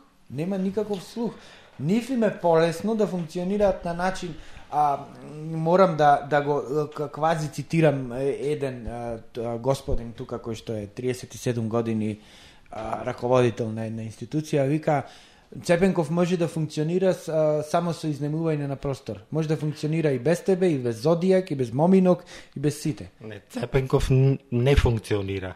Еве, тоа, тоа го докажавме ние за време на, а, а, на овие изминати месеци. Марко Цепенков работеше, ама не работеше. Работеше со надворешни Со настани. надворешно. Фестивалот а, што беше Силјан Штркот, а, твојот концерт а, беше организиран, а, па, после моите представи, Да, джез фестивалот джез исто фестивал, джез институција. фестивалот и и а овој центар сите- за култура кој што има 7000 метри квадратни може да биде толку самоодржлив и толку може да функционира да биде а, да биде буквално она што е центар за култура А помини навечер да видиш црна темница е овде. Во 20 часот Центар за култура се затвора. Зошто? Заради тоа што немаат ноќен чувар. Мислам, банална е работата. Банална е работата. За викенд не работи. За викенд не работи, каде што најмногу треба да се реализираат културни настани. Е, па тоа е. Не треба вработени, дури не, гледај, дури вработените и директорите на институциите кои што ги, за кои што разговараме, не мора ни да имаат во крајен случај менаџерски способности. А, кога разговараме со, со многу деца, бендови, луѓе, иницијативи низ града, што е главниот проект, про проблем? Немаат простор. Просто. Значи, доволно е да им се отстапи простор на луѓето кои што апсолутно ќе бидат активни и да, дај им простор и обврзи ги за твојата институција еднаш во месецот да направат настан, концерт, Човече, изложба. Сонко, значи, види, јас кога им појдов со предлог и ми реков, слушајте луѓе, не, дајте да се врати центарот Младинското драмско студио. Јас ви ветувам 10 театарски представи во годината, 10 различни продукции. Вие одберете кои пет театарски продукции ќе бидат за вас сите средства што ќе ги продадеме како за Центарот за култура. И најше беше да договор, ти сакаш од киријата да се ослободиш. Море смотани едни, не ми е мене за киријата, мене ми е за односот. Односот кој што го немам. Овде влегувам, до да се качам до, до втори спрат се чувствувам како да сум на, на, на боиште. Да ми простиш. Каде во информбиро? Во информбиро. А верувај, Звонко, кај повеќето вработени има желба. Има Јасно желба за ми, јасно, промена. јасно, има да. желба за промена. Јас пред некој ден разговарав со еден од вработените. Има желба, има идеи, верувај ми. Знаеш какви идеи имаат? Во секоја институција Знаеш има какви идеи има? Човек, човек кој што за нова година треба да оди во пензија, кој ме, ме седне и ми каже еден куп идеи. Значи, од, од најдобрата идеја која што имам слушнато, која што, нели, долго време фу, а, ни се мота на сите во главите, о евро, кај што беше ресторанот, да се подели на три и тоа да види простор и за ликовни уметници, и за бендови, и за концер, концерти и одржување, ама нема расположение кај раководителите. Заради тоа што раководителите не се ставени на функција за да променат нешто, туку да си стерат мандат, да се земат плата и на последно што слушнав да се пишман што се директори. да. Така е, значи, да. И по, нели, повторно се враќаме. А се враќаме на тоа што викаш ти да не те саботира, да не те Да. саботира. Значи, зошто го, го, го, го, го ја направија таа саботажа? Зошто ја направија таа саботажа? Значи, Зошто на, на, на раководно место во Центарот за култура Марко Цепенко поставија човек кој што тој рака на срце, карактерно си е супер, фин, добар, одличен познавач на неговата струка. Ама ги нема тие менаџерски способности. А имаше Да. личност која што ги имаше тие менеджерски способности и која што која што е, не обедини сите нас без разлика дали сме ојлевци, дојлевци или одавде или оданде. И тоа го саботираат тие, така? Зошто го саботираат тоа? За дв- 2000 гласа. Не, за 2000, за 2000 гласови, тоа се четири представи кои што јас можам да ги наполнам вака да направам. Да. Еве да испратиме, нак може би нели, порака по стотти пат. Институциите нека се под, да пробаат да размислат еве како може да бидат поотворени, како просторите кои што не ги користат може да бидат пофлексибилни, одстапени на тие што би организирале настани, кои што би се грижеле за тие простори, кои што би носеле публика и да секако и да бидат обврзани. кон институцијата. Нормално. Но не може, на пример, колку ја да ми се блиски пријатели ликовните уметници од градот, да добијат да си ја вратат просторијата нели во Марко Цепенко, а при тоа еден или двајца да оди таму да слика. Ама ај тие што си ја вратија. Ни ја зедоа нас на драмското студио ни ја зедоа. Да, таму беше Таа беше, драмското. таа беше цела просторија на, на драмското студио и на некој директор му парна да си прави ателје под изговор дека ова ќе биде ателје за уметниците. А, апропо просторите. Ти знаеш дека јас имам испратено а, проект, нацрт проект до одредена личност од градов за ревитализација на до, домот Варош. Тоа беше пред неколку месеци. Уште немам одговор. Уште немам одговор, но на кој што јас се обврзувам во наредните 30 години. Значи, in kind или директно, да внесам од 150 до 500 илјади евра инвестиции и уште немам одговор. А тоа нека скапува горе, нека, нека протекува. Да. Да, тоа е се уште нажалост многу далеку од нас, колку и да е едноставно. Едном зашто а, нашата држава, нашите институции се уште тоа не го разбираат дека кога државата нема способности, можности, пред се способности, да реализира проект, да ревитализира објект, дека тоа треба да премени во приватниот сектор. Да, да биде законски регулирано што треба ти како приватно лице надворешно да исполниш, да внесиш и каков резултат нели тоа ќе има во иднина. Нели? Или како што ме праша, кај ти е тебе чарот? Му викам, вие воопшто да не се секирате кај ми е мене чарот. Мене чарот не ми е во парите. Мене чарот ми е во една трајна вредност што ќе оставам јас овде во градов. Ама не, не, не го разбираа тоа, пошто нели, тие се гледаат низ призмата на, на, на парите и на гласовите. Да. Um, нажалост и малку завременуваат малите радости, не знам, мали радости од типот на деца, тетки, баби кои што не градот, кога ги правевме, на пример, постојано тие забавите под сатот, кои што ја чекаат неделата, нели? И ме запираа на улица дека неколку пати ми се случи по возрастни жени дека си купиле мајче за во недела, на пример.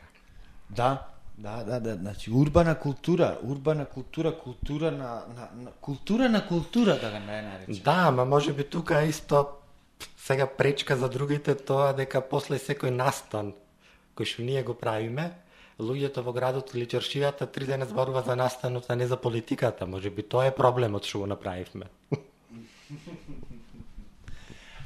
Не знам, не, не, не, не знам, ова е еден, еден, еден, една тема која што не знам, знаеш ти дека знаеш дека моментално во градов нема а, општината нема советник за култура. Да. Нема советник за култура. И кажи ми ти, ако веќе немаат советник за култура, немаат личност која што ќе им ја прави програмската политика за за како културно забавниот живот и сите тие аспекти да се одвиваат во текот на една година, кажи ми ти што очекуваш ти од, од таква институција? Што очекуваш од Да. институција која што ти се обидуваш да закажеш средба со идеи, а, да да презентираш на некои чинители, никој не ти се јавува на телефон, никој не ти враќа на пораките, никој ништо. Едноставно треба да, Да. бараш 300 кан, канали за да влезеш и да и да, да, да влезеш онака како, на Да бидеш, да, да бидеш ислушан не барајки услуга. Да, и тука исто е проблем тоа за што се бориме во суштина, меѓу другото е нели инклузивноста и рамноправноста, ама од аспект на културата таа не оди секогаш во прилеп, во прилог. Например, не ми се допаѓа мене или не, не гледам користа од такво одлучување кои, кои проекти да бидат поддржани, а кои не, кога комисијата што одлучува, решава на сите да му даде по нешто.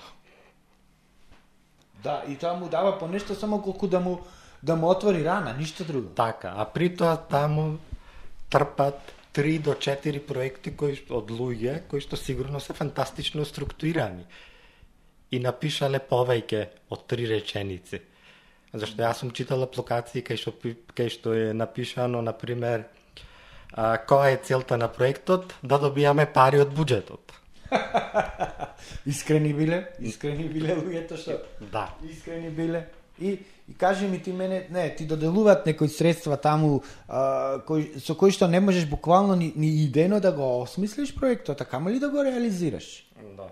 А камо ли да го реализираш? И начинот на кој што се одлучува за а, кои проекти влегуваат во годишната програма за култура, значи мимо та, тој повик што го имат, е стварно дискутабилен. Да. Е навистина дискутабилен. И Добро, треба самиот некој... повик нема критериуми пред се. А, да. Но сепак се појавија нели неколку струи движења, помали, поголеми институции, вработени во институции кои што е, излегуваат во прилог и кои што е, создадоа некоја позадина и може да се случуваат некои работи. Ева, од моето досегашно искуство, вреди да се сметам дека вреди да нагласам со кого најубаво, најотворено а, и професионално се соработувало. А, освен со чин 4 сцена 5, се разбира Центарот за современа ликовна уметност, а, секогаш сум имала одлична соработка и разбирање од Институтот за старословенска култура, Александар од Музеот за Тутун секогаш излегува во пресред доколку нешто е а, потребно. А, со Марко Цепенко секогаш сме најдувале начин на крајот да се справиме. Да, да, да, да, да. Да. А, најпроблематична институција за соработка досега од моето искуство, од кога пробавам да функционирам во градот, е музеот. Како најзатворена институција, нажалост, не разбирам зашто, а, штета е дека имаме еден од подобрите мали музеи во државата, а граѓаните може би не се не не може би сигурен сум дека добар дел од граѓаните не се ни свесни дека можат да влезат внатре. Дека има фасцинантно добра експозиција. Или Да. дека во Прилеп има лапидариум, мислам дека луѓето Да, не да. знаат. И тоа се должи на затвореноста на институциите, на институцијата, а не на незаинтересираноста на граѓаните. Јас не можам да се заинтересирам ако ти во мене не, не иницираш интерес. Нормално. Ама се додека, се додека системот вака функционира, каде што тие добиваат пари, а при тоа немаат никаква одговорност, не сносат никаква одговорност за тоа како ги трошат парите, кој е а, фидбекот, односно кој е бенефитот од тој проект кој што го добиле. Тоа така ќе биде.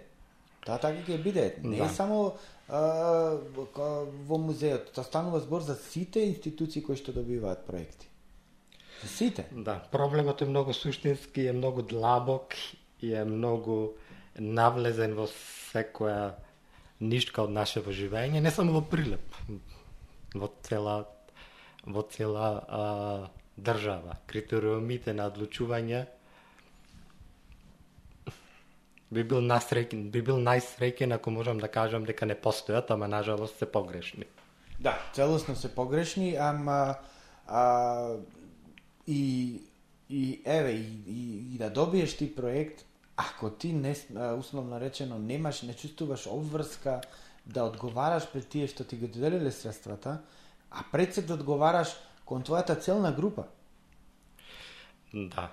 Мислам, стварно, е најважно. Стварно, мислам, еве се случувало а, конкретно да се вратам на мојава бранша да се добиваат огромни средства за театарски представи кои што се играат еднаш, два пати или пет пати. И кај е тука рентабилноста? Кај е тука рентабилноста? А, би те прашал и за тоа, мислам, ти си човек кој што има доста прошетано низ светот и си видел различни текови културни можеш да направиш една паралела или било каква споредба за тоа како функционираат нештата надвор а, наспроти ова што се случува кај нас? Прекомплексно е прашањево, зашто прашањето не е комплексно, туку системите или географските простори што треба да ги споредувам се толку со различни вредности што н- дури не знам никако да пристапам кон кон кон, Кон повлекувањето на да. тие паралели. Значи, суштинската работа, ја спомнавме неколку пати, одговорност. Значи, кога имаш систем поставен на тој начин, во кој тие што треба што сат најмногу одговорност, би требало да сносат најмногу одговорност, се тие што најмалку се трудат, кога е, е, значи системот во кој што сите функционираме, дури тие што не сакаме, дури тие што не го гледаме функционирањето како такво, едноставно немаш избор понекогаш. Е, е, значи, одговорноста, кадровската политика и заедницата. Тие три работи мислам дека се клучни за секој процес. Да, да, да. Ако тргнеме од тие три работи, едната работа, односно заедницата, јавен простор демонстрираше дека постои. Дека постои начин на... Јавен простор е заедница. Да, јавен простор е заедница, но муабетот не беше дека постои начин, односно докаже јавен простор дека има публика за се. Има публика за се, има публика кој што доаѓа исклучиво за тие настани, да се помине убаво, а, да. да извлече нешто од нив. Ама другите два фактори кои ќе кажуваш кај нас Како... И да, да, и треба да се отвори простор за надворешните културни, спортски, неважно кој сектор. Значи во сите големи странски или на, на други континенти институции кои што се државни, повеќе од пола од проектите се надворешни. Да, да, да, да. Отстапен, институцијата, која што е структурирана од државата, има поддршка од сите медиуми, има разработени и многу солидни рекламни канали, го отстапува просторот и целиот механизам рекламен. Да, да, да. Тоа така треба да функци... така би требало да профункционира така полека е. и тука. Така е, треба треба да ги развиваме тие механизми. Треба да се развиваат тие механизми на да. на на на на интра интракултурна конекција која што треба да да да се случува. Ама кај нас тоа не знам.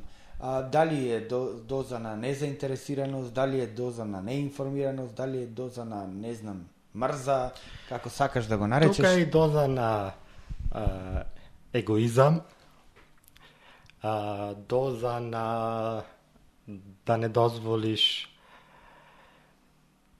да се види колку си неспособен, неспособна mm -hmm.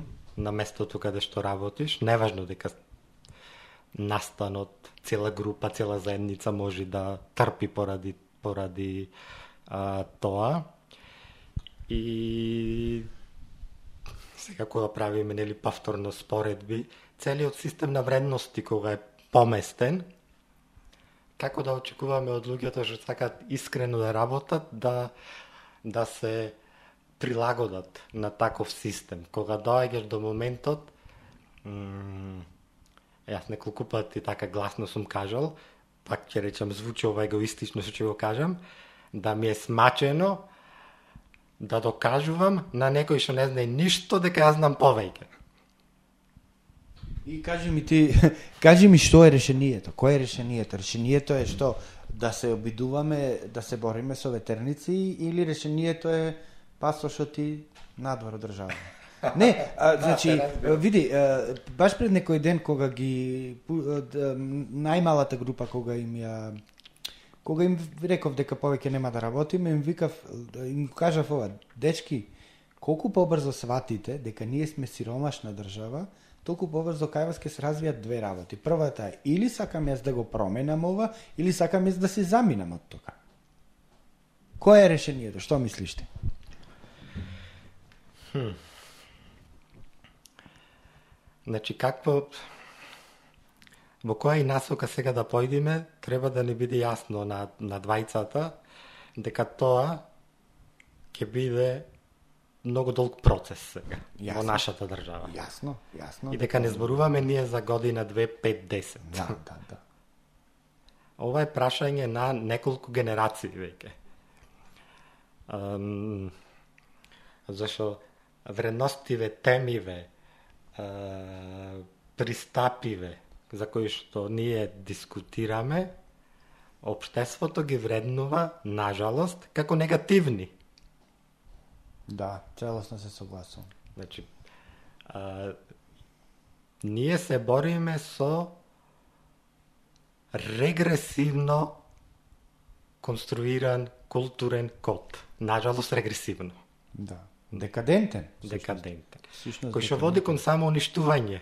Колку и тоа раководните лица, влади, министри, премиери не го гледаат, ние сме една од нели пора, доколку порано бевме пример, сега сме според мене идеален пример за регресивен развој на нација.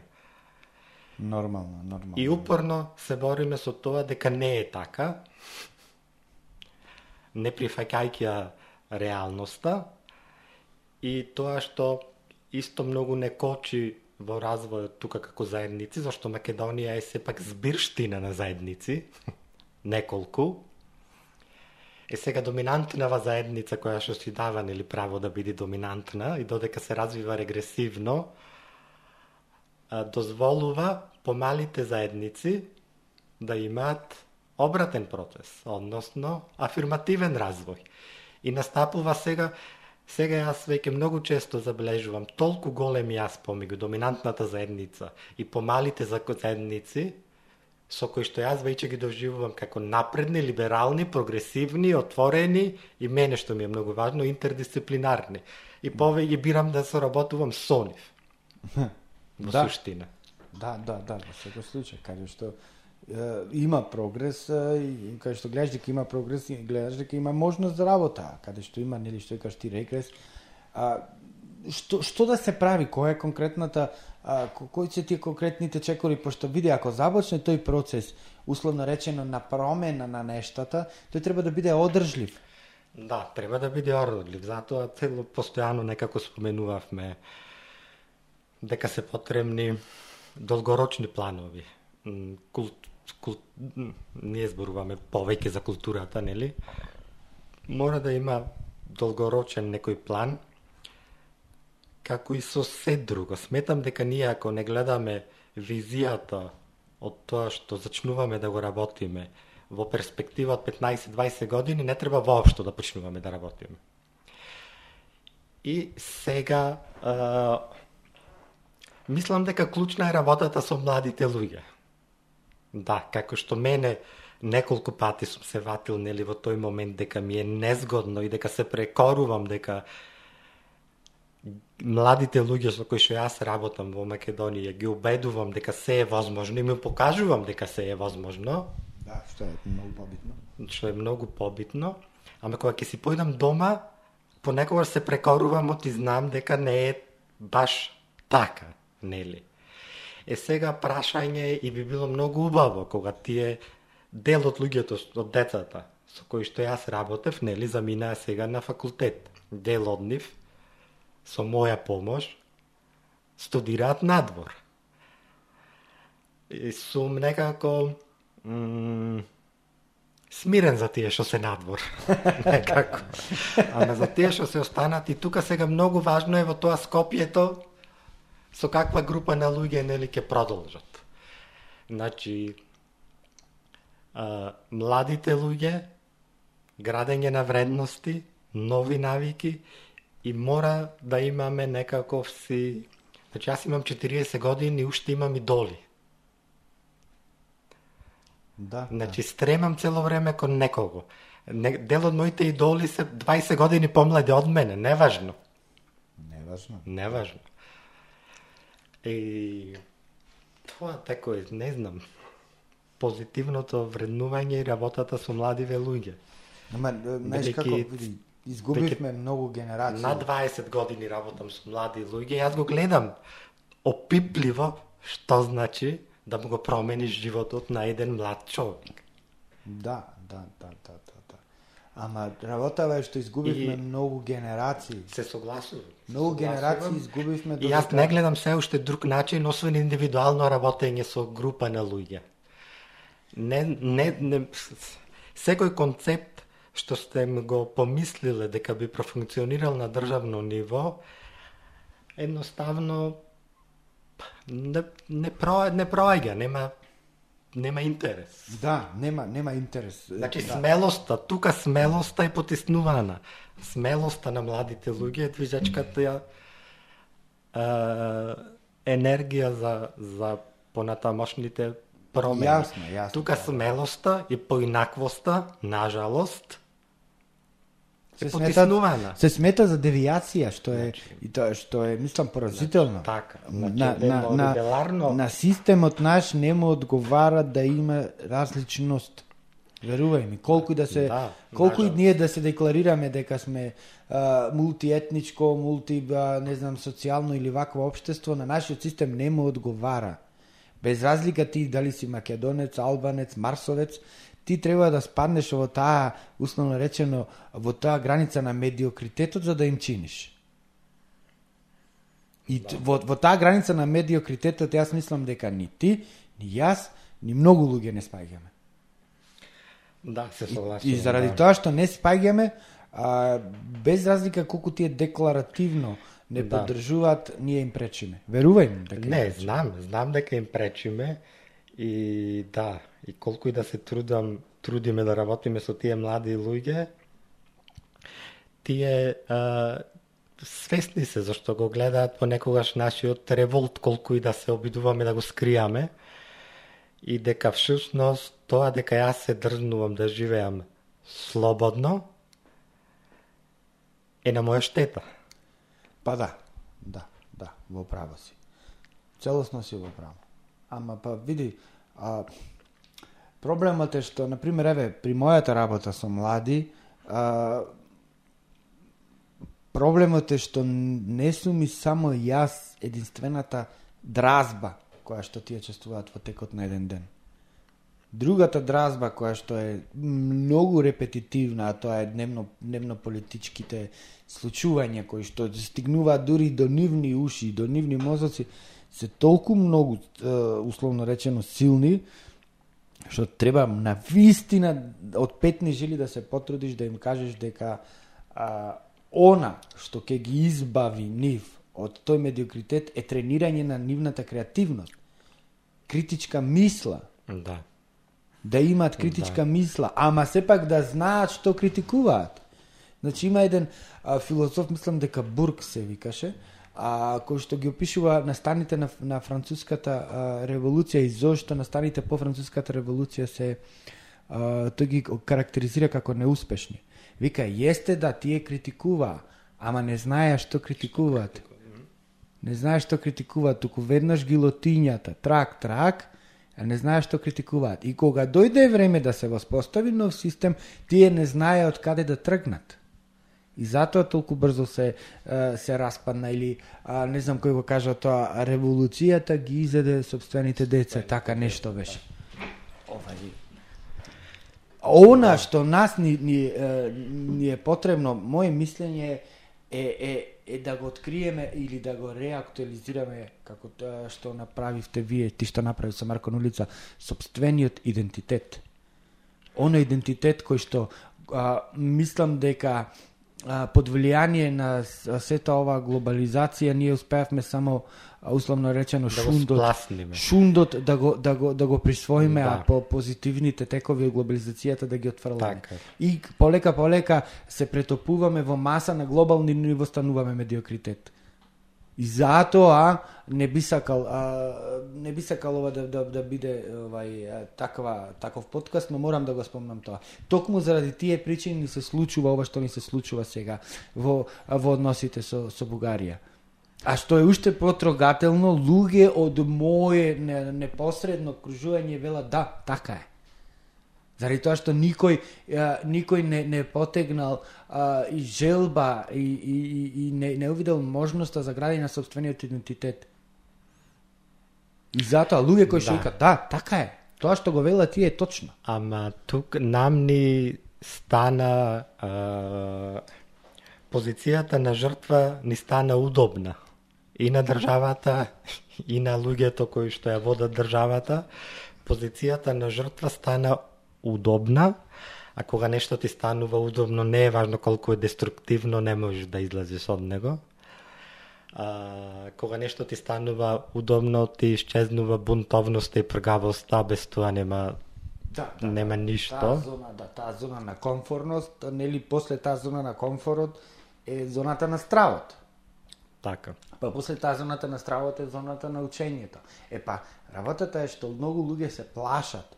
А и генерално ние како општество а, ја играме таа улога на жртва и очајно а, се надеваме дека некој како мелода како мелодрамска структура или како овие што се Deus ex machina ќе не спаси. не спаси. Никој не не спасува ако ние собст... со, е, с- лично не се спасиме на ваков или на ваков начин нашиот идентитет ќе се сведе на медиокритет.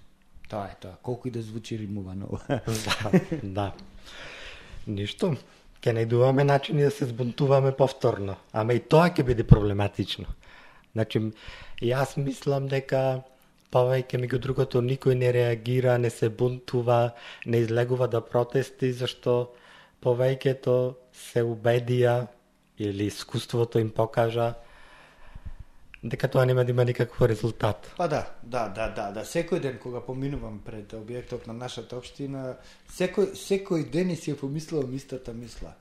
Однадвор шарено, одвнатре монотон. Монотонно, да. Тоа, бунтовноста, значи, јас повтор, еве сега да се вратам на моите, нели, искуства во други држави, јас сум многу близко поврзан со Полска. Сега, кој следи малку политика, вести, а, знае дека Полска моментално, моментално, последните десетина години го сгреши малку патот и станува повторно, мислам станува. Јас тоа го гледав постојано и додека живеев таму, само сега има дозвола да се биде да. јавно агресивен, конзервативен, насилен Да, да, да. да. и мене ме возбедуваат и јас 4 години веќе не живеам во Полска, но кога гледав дома моменталните штрајкови на полските жени кои што беа масовни, а, јас на тоа реагирам емотивно, зашто на, на исти такви сум учествувал во Полска. Нормално. Исто кога и во Македонија беа протестите, кога веројатно последниот момент и последниот пат кога нашето општество се обиде да биде пргаво и поверува дека промената ќе биде промена, а не континуитет, а, мене ми се случуваше и тогаш да летам од Полска да одам на протести во Скопје. Значи имав потреба да бидам дел од мојата заедница која што доживува потреба Да, има крик. да се бунтува и нешто да промени. Да, крик. Значи, да, бунтовноста, автентичната бунтовност, а, ис- искреноста, да. Нај, најелементарните работи како општество, нажалост, Ги немаме. ги немаме. Ги немаме, ги немаме заради Во секојдневната комуникација. Да, толку многу не тепа и не газеа изминати во овие 30 години, што и наједноставен подвиг од страна на некој се смета за, за не знам ти што е. Да, и сето тоа, меѓу другото, допридонесе луѓето да се чувствуваат удобни. Луѓето не сакаат да им е смачено. Мачено име. Значи, е уд, удобно, е такво какво што е.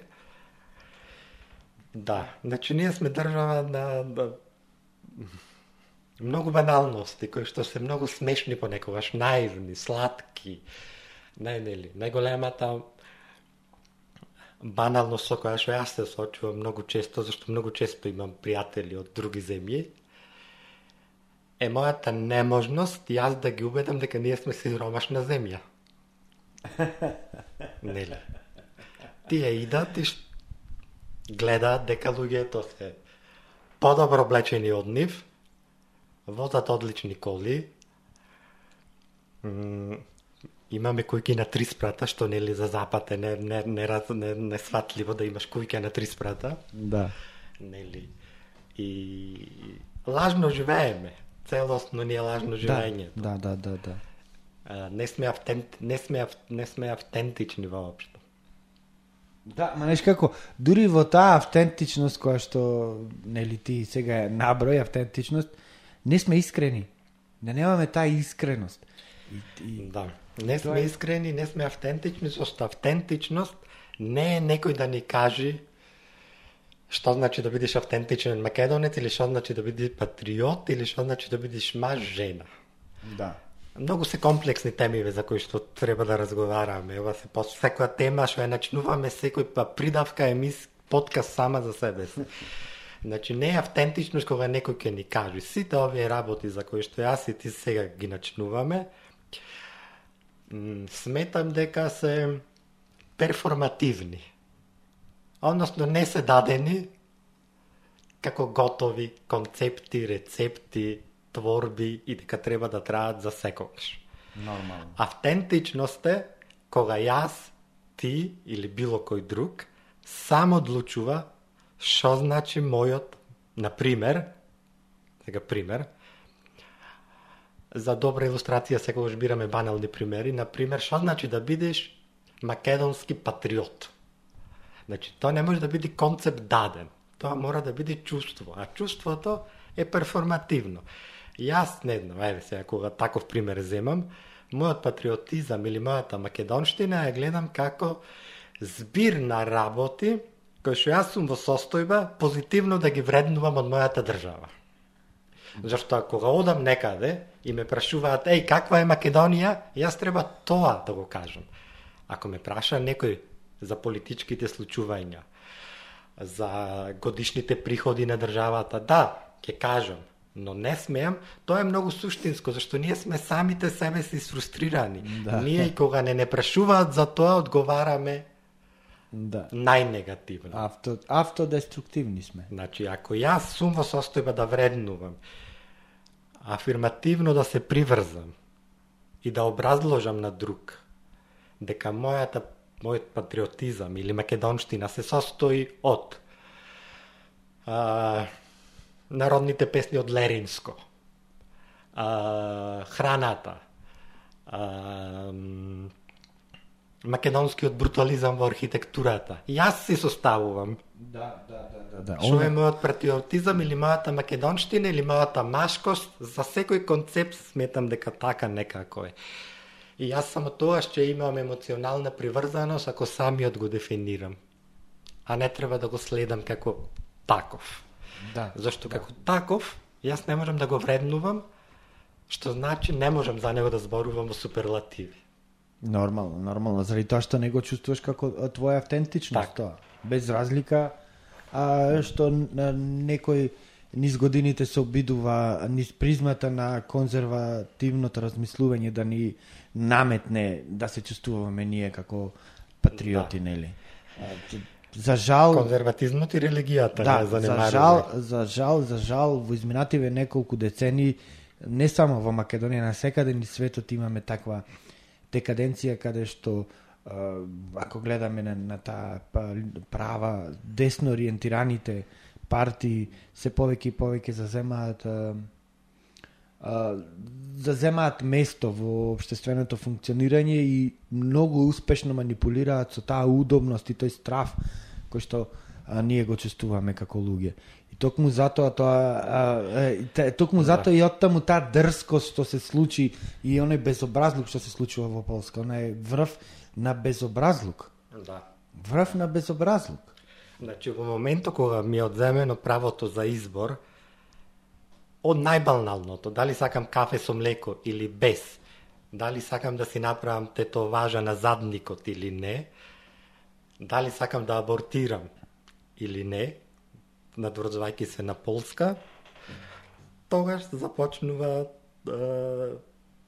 проблемот на идентитетот и припадноста. Кога мојот избор е ставен Познак прашање. под знак прашање.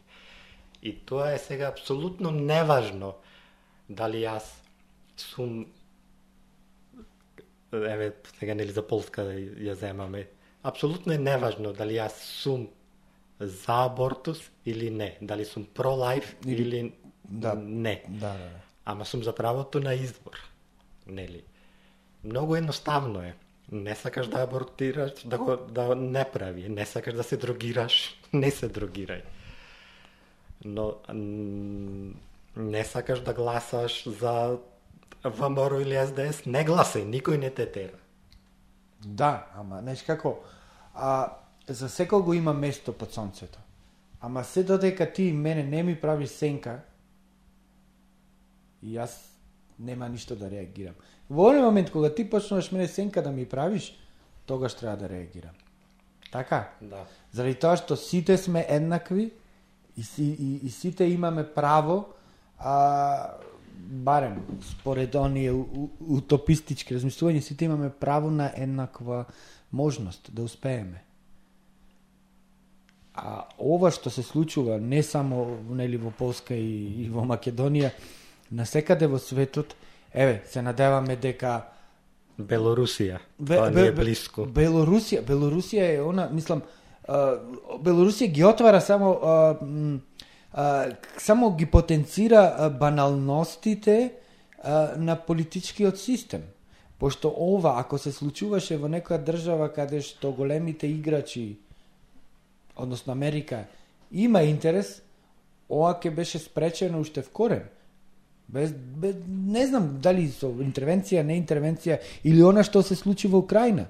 Така. Она што се случи во Украина, ти да одземеш токава територија на држава, да ја присвоиш како своја и никој да не реагира за, за тоа, И да изнудиш војња. да изнудиш војна, е стварно мислам.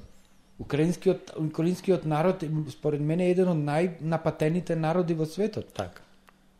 Она, она што потекнува од нив, како култура и како, како, како трајно наследство е многу значајно во светот. Ама, очигледно нема интереси. Па од прогресивните земји и сили и лидери најдискриминирани, најпотиснувани се терените, не, не е тоа нели ни прв пат, од каде што потекнува дел од цивилизација, тоа што го нарекуваме денеска цивилизација, писменост, култура. Ете, а, нели Украина, Ерменија сега во Да. моментов да ја заеме за прим- пример, Грузија, Грузија или она што се случува во Кина со а, со муслиманското малцинство кај што ги праќаат во кампови за превоспитување. и ова се работите за кои што ние знаеме. Да, за кој што ние знаеме, да. За кој што се што се што се обидува некој да говори и гласно, ама сепак не е слушнат. И ваквиот систем на функционирање и кај нас може би во, во една во една поинаква форма не би сакал јас да се споредувам сега со не знам со со она што им се случува на како се вика тие угурси или не знам како се викаше тоа малцинство во Кина. А, но тоа што се случува кај нас е полошо во преносна смисла на зборот заради тоа што ние самите си се уништуваме. Да. Самите си се уништуваме. Немаме а, а, немаме разбирање за за работите, немаме чувств, чувство на на на Да. Немаме. Саша, немаме, немаме, немаме континуитет. Значи, немаме континуитет и и близок контакт со нашата поблиска историја, а не за подалечната која за која што се бориме и во суштина не разбираме. да. Значи, континуитет со, по, со, со поблиската историја. Со, со хероите на нашето минато вле, на нашето минато време. Значи, не може да биде нормално, мене не ми е нормално. Например, кога го правевме концертот со Добрила, повторно банален проблем, пример, деца кои што имаат се тинејгери, имаат 15, 16, па и 20 години, да не знаат која е Нина Спирова. Значи нешто не е во ред. Да. Така? Да, да, да, да, да, да, да. Да. Не е во ред луѓе кои што имаат 20 години да не знаат за Нина Спирова, за Кирил Манчевски, а тоа било во наше многу блиско минато. Да. И сега, и тоа ти викам, тој систем на глобализација не Ова е почетокот. Да, ни ги разводнува нашите вредности. Ни ги разводнува нашите вредности. Ти джаби им објаснуваш ти на луѓето дека постоел во минатот еден Димитар Поповски кој што бил феноменален а, интерпретатор кој што во времето бил условно речено помодерен и од светските музички текови, кога децата да слушаат а, музики од а, типот на manis and hoes and bitches и викаат дека тоа е, не знам. Да. И значи тоа е мислам горлив проблем кој што е, може да тргне и од о- од внатре на надвор и од надвор на натре, и од клетката, и од семејството па кон системот и системот кон семејството. Да. Ама работата е повторно да се надоврзам. Тоа треба да биде работа на личен избор на индивидуата. Не можеш ти мене да ми натураш со сила ја што да слушам и што да не слушам. Така е, многу е, затоа многу е важно со кого растеш, кој те обкружува. Кој е со тебе моментот кога се развиваш. Зашто сите ние како е, индивидуи кога се разбиваме, без исклучок, сметам, дојдуваме до моментот, ке секој различно, кога ти станува јасно дека сега или аз ќе се изборам за мојата слобода, индивидуалност, и мако трпно ќе работам на себе си, или преминувам на странама на удобноста и ништо не правам. Да, да, да, да, да, да, да, да, да. Токму на истава, мислам, на истава тема и ги разговаравме и со мојот предходен гостин, со Мики Даниловски, кој што па во друг аспект и го има своето обштествено живење, но сепак размислите му се му се исти.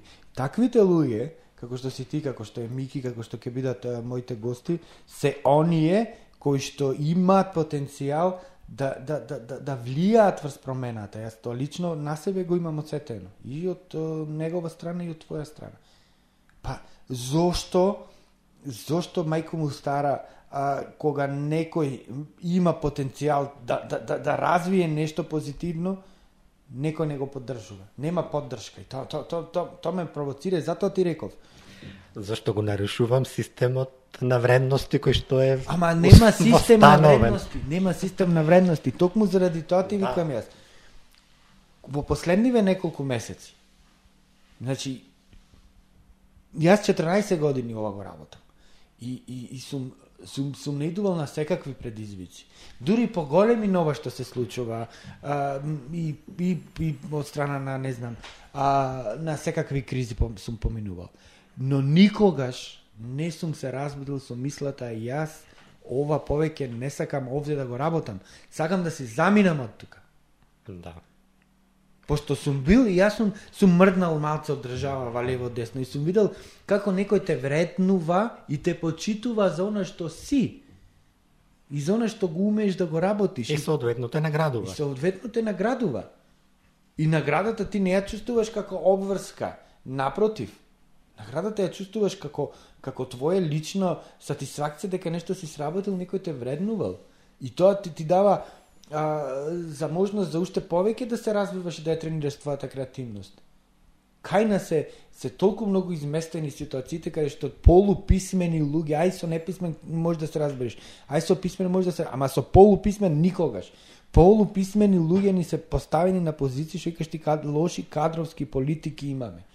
И кажи ми ти мене, вреди да се бориш со, со, со, со такви идиоти, јас би ги нарекол идиоти се тие.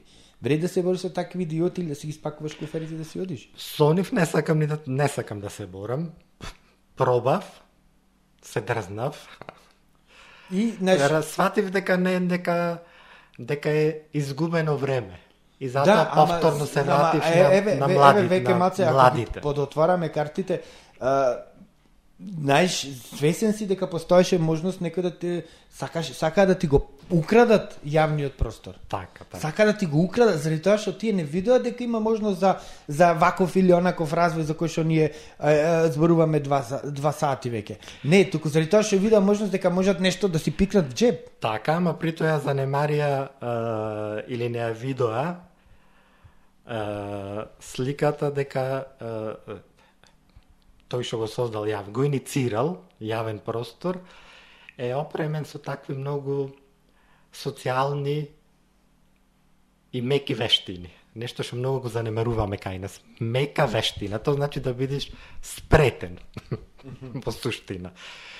Значи, јас разборајќи го концептот на, на вештини, на социјално предприемаштво и на локална заедница кој што ми е доминантен во моето живење, јас на, постигнав некако јавен простор да биде поврзан со мене. Дека јас сакам јавен простор да биде еднакво на звонко. И затоа не се чувствував И се уште така мислам. Не се чувствувам како загрозен дека некој ќе го земи. Зашто јас толку интимно го поврзав со мене, интимно ја пренесов идејата, да тој без мене не може да функционира. Да, е, па тоа, тоа е поентата, што тој не, не, не ги сваќа тие работи, тој не го сваќа тоа дека ако ако условно Да. речено го превземе и ти се тргнеш дека тоа нема да функционира ниту 10 минути. Така е, зашто јавен простор, меѓу другото, и луѓето околу јавен простор, беа присутни, физички присутни и ангажирани делумно поради мене. Така е, така е. Ако не и, и целосно, ако не. Ако не и целосно поради тебе. Заради тоа што ние ја препознавме искреноста и невиноста со, со која што ти сакаше да ни го пренесеш тоа. И, и уште еднаш ќе повторам. Видов јас лично дека има надеж. Дека има надеж дека може некој да работи, да твори, да работи и при тоа да не мисли на условно речено на тие а, дневно политички калкулации на која страна да се а, да, да, да, да, да, да се навелам за да можам да го реализирам, односно да го направиш најглупавиот компромис во животот, тоа е со, со, со собствената личност. Состојната, да. Да. И безкомпромисно ти влегуваше во работите. Или джа, или Да. букајте ве- беше. Нема трето. Нема трето. Ако сакаш ти да си правиш компромис таму, прави си таму на друго Не, место. Овде нема. третото е целосно откажување, а тогаш а, залудно си повлекол цела една цел еден механизам позади, се, позади себе. Но, гледај, колку пати до сега двајцата кажавме дека има потенцијал, дека има млади луѓе, дека има луѓе желни за работа, Има публика. има публика, има потреба, има публика што би плајкала за да, тоа да. многу важно. Нешто што не можевме минатите години да ги убедиме и културните работници од градо. Дека публиката ќе плајка за културните Да, да, настани. да, да, да. Така? И тоа не сме да замери или да не се искористи. Да, се наидува на пречки еден концепт додека ќе помислиме дека сме нашле некој концепт кој што ќе се профункционира и успешно ќе балансира меѓу граѓанството и власта, наскоро испаѓа дека сме сгрешиле. Да, да, да. Или тој што не поддржал во таа структура, заминал некаде или го смениле. значи, Да.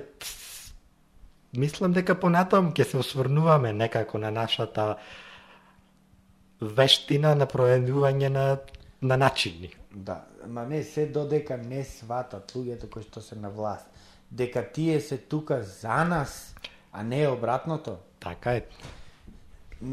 Знаеш како, ене, многу енергија е потрошено во, во глупости. Во глупости. Во докажување на сила. Во глупости е потрошено многу енергија. Ти губиш енергија, наместо таа енергија да ја насочиш во, во креативност, ти ја губиш во тоа како да му објасниш на некој кој што а, не знае 3 плюс 3 колку се, каков концепт е јавен простор и колку е тој да, колку е тој значаен Да. за, за, за еден урбан центар како што е Прилеп. Да. И те прашува кај ти е чаро тука. Да. Постапката на настанување на работиве кои што ги работиме е многу важна. Тоа луѓето однадвор или луѓето што се корисници на нашите услуги, да, всушност ние даваме услуги. Да. А, се корисници на нашите услуги или се посетители тоа што не го гледаат е процесот на настанување кој што во суштина изгледа едноставно и во суштина е едноставен. Да, ма не знаеш дека е прост. Да, а, но факт е дека некако кај нас мене најмалку време ми одземе да го осмислам проектот. Тој ми е најкраткиот, најубавиот убавиот делот процесот на работа. Да го осмислам проектот, да ги договорам луѓето, да работиме со луѓето и тоа за некогаш е доволно само неколку часа. Ама целиот таа постапка да се овозможи тој настан да се случи, кој што во суштина е многу едноставен, понекогаш е прашање на недела, две и три. Да, нажалост. Да, од, од еден едноставен а, процес на креирање се преминува на една комплицирана а, комплициран процес на реализација. Да, да. Значи живееме во целосна дистопија. Сега само се прашувам што е отаде дистопијата. Бога ми, бога ми. А, два часа и кусур веќе разговараме. А, Звонко, ние можеме да разговараме до, до, до утре са бајле, но мислам дека ова наша Ќе средба... бидам гостин почесто. Да, ова наша средба ќе биде само една од многуте средби кои што а, би сакал да ги имаме.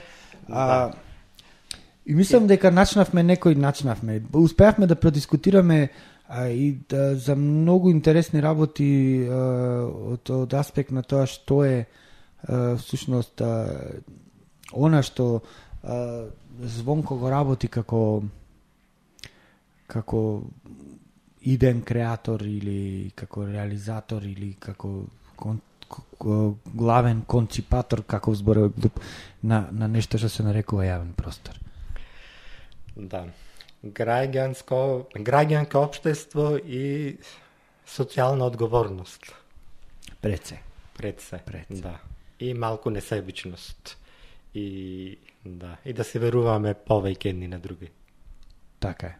Така е. И да не дозволуваме други да ни ги матат работите ако Да. веќе имаме одредени ставови кон нешто. Звонко, јас многу ти благодарам што а, што учествуваше во овој мој подкаст Тренирај креативност и а, вас, а, драги слушатели на овој подкаст, а, ви закажувам наредна средба наредната недела во 20 часот. Овој подкаст можете да го слушнете на сите можни платформи на кои што го слушате а, вашиот подкаст.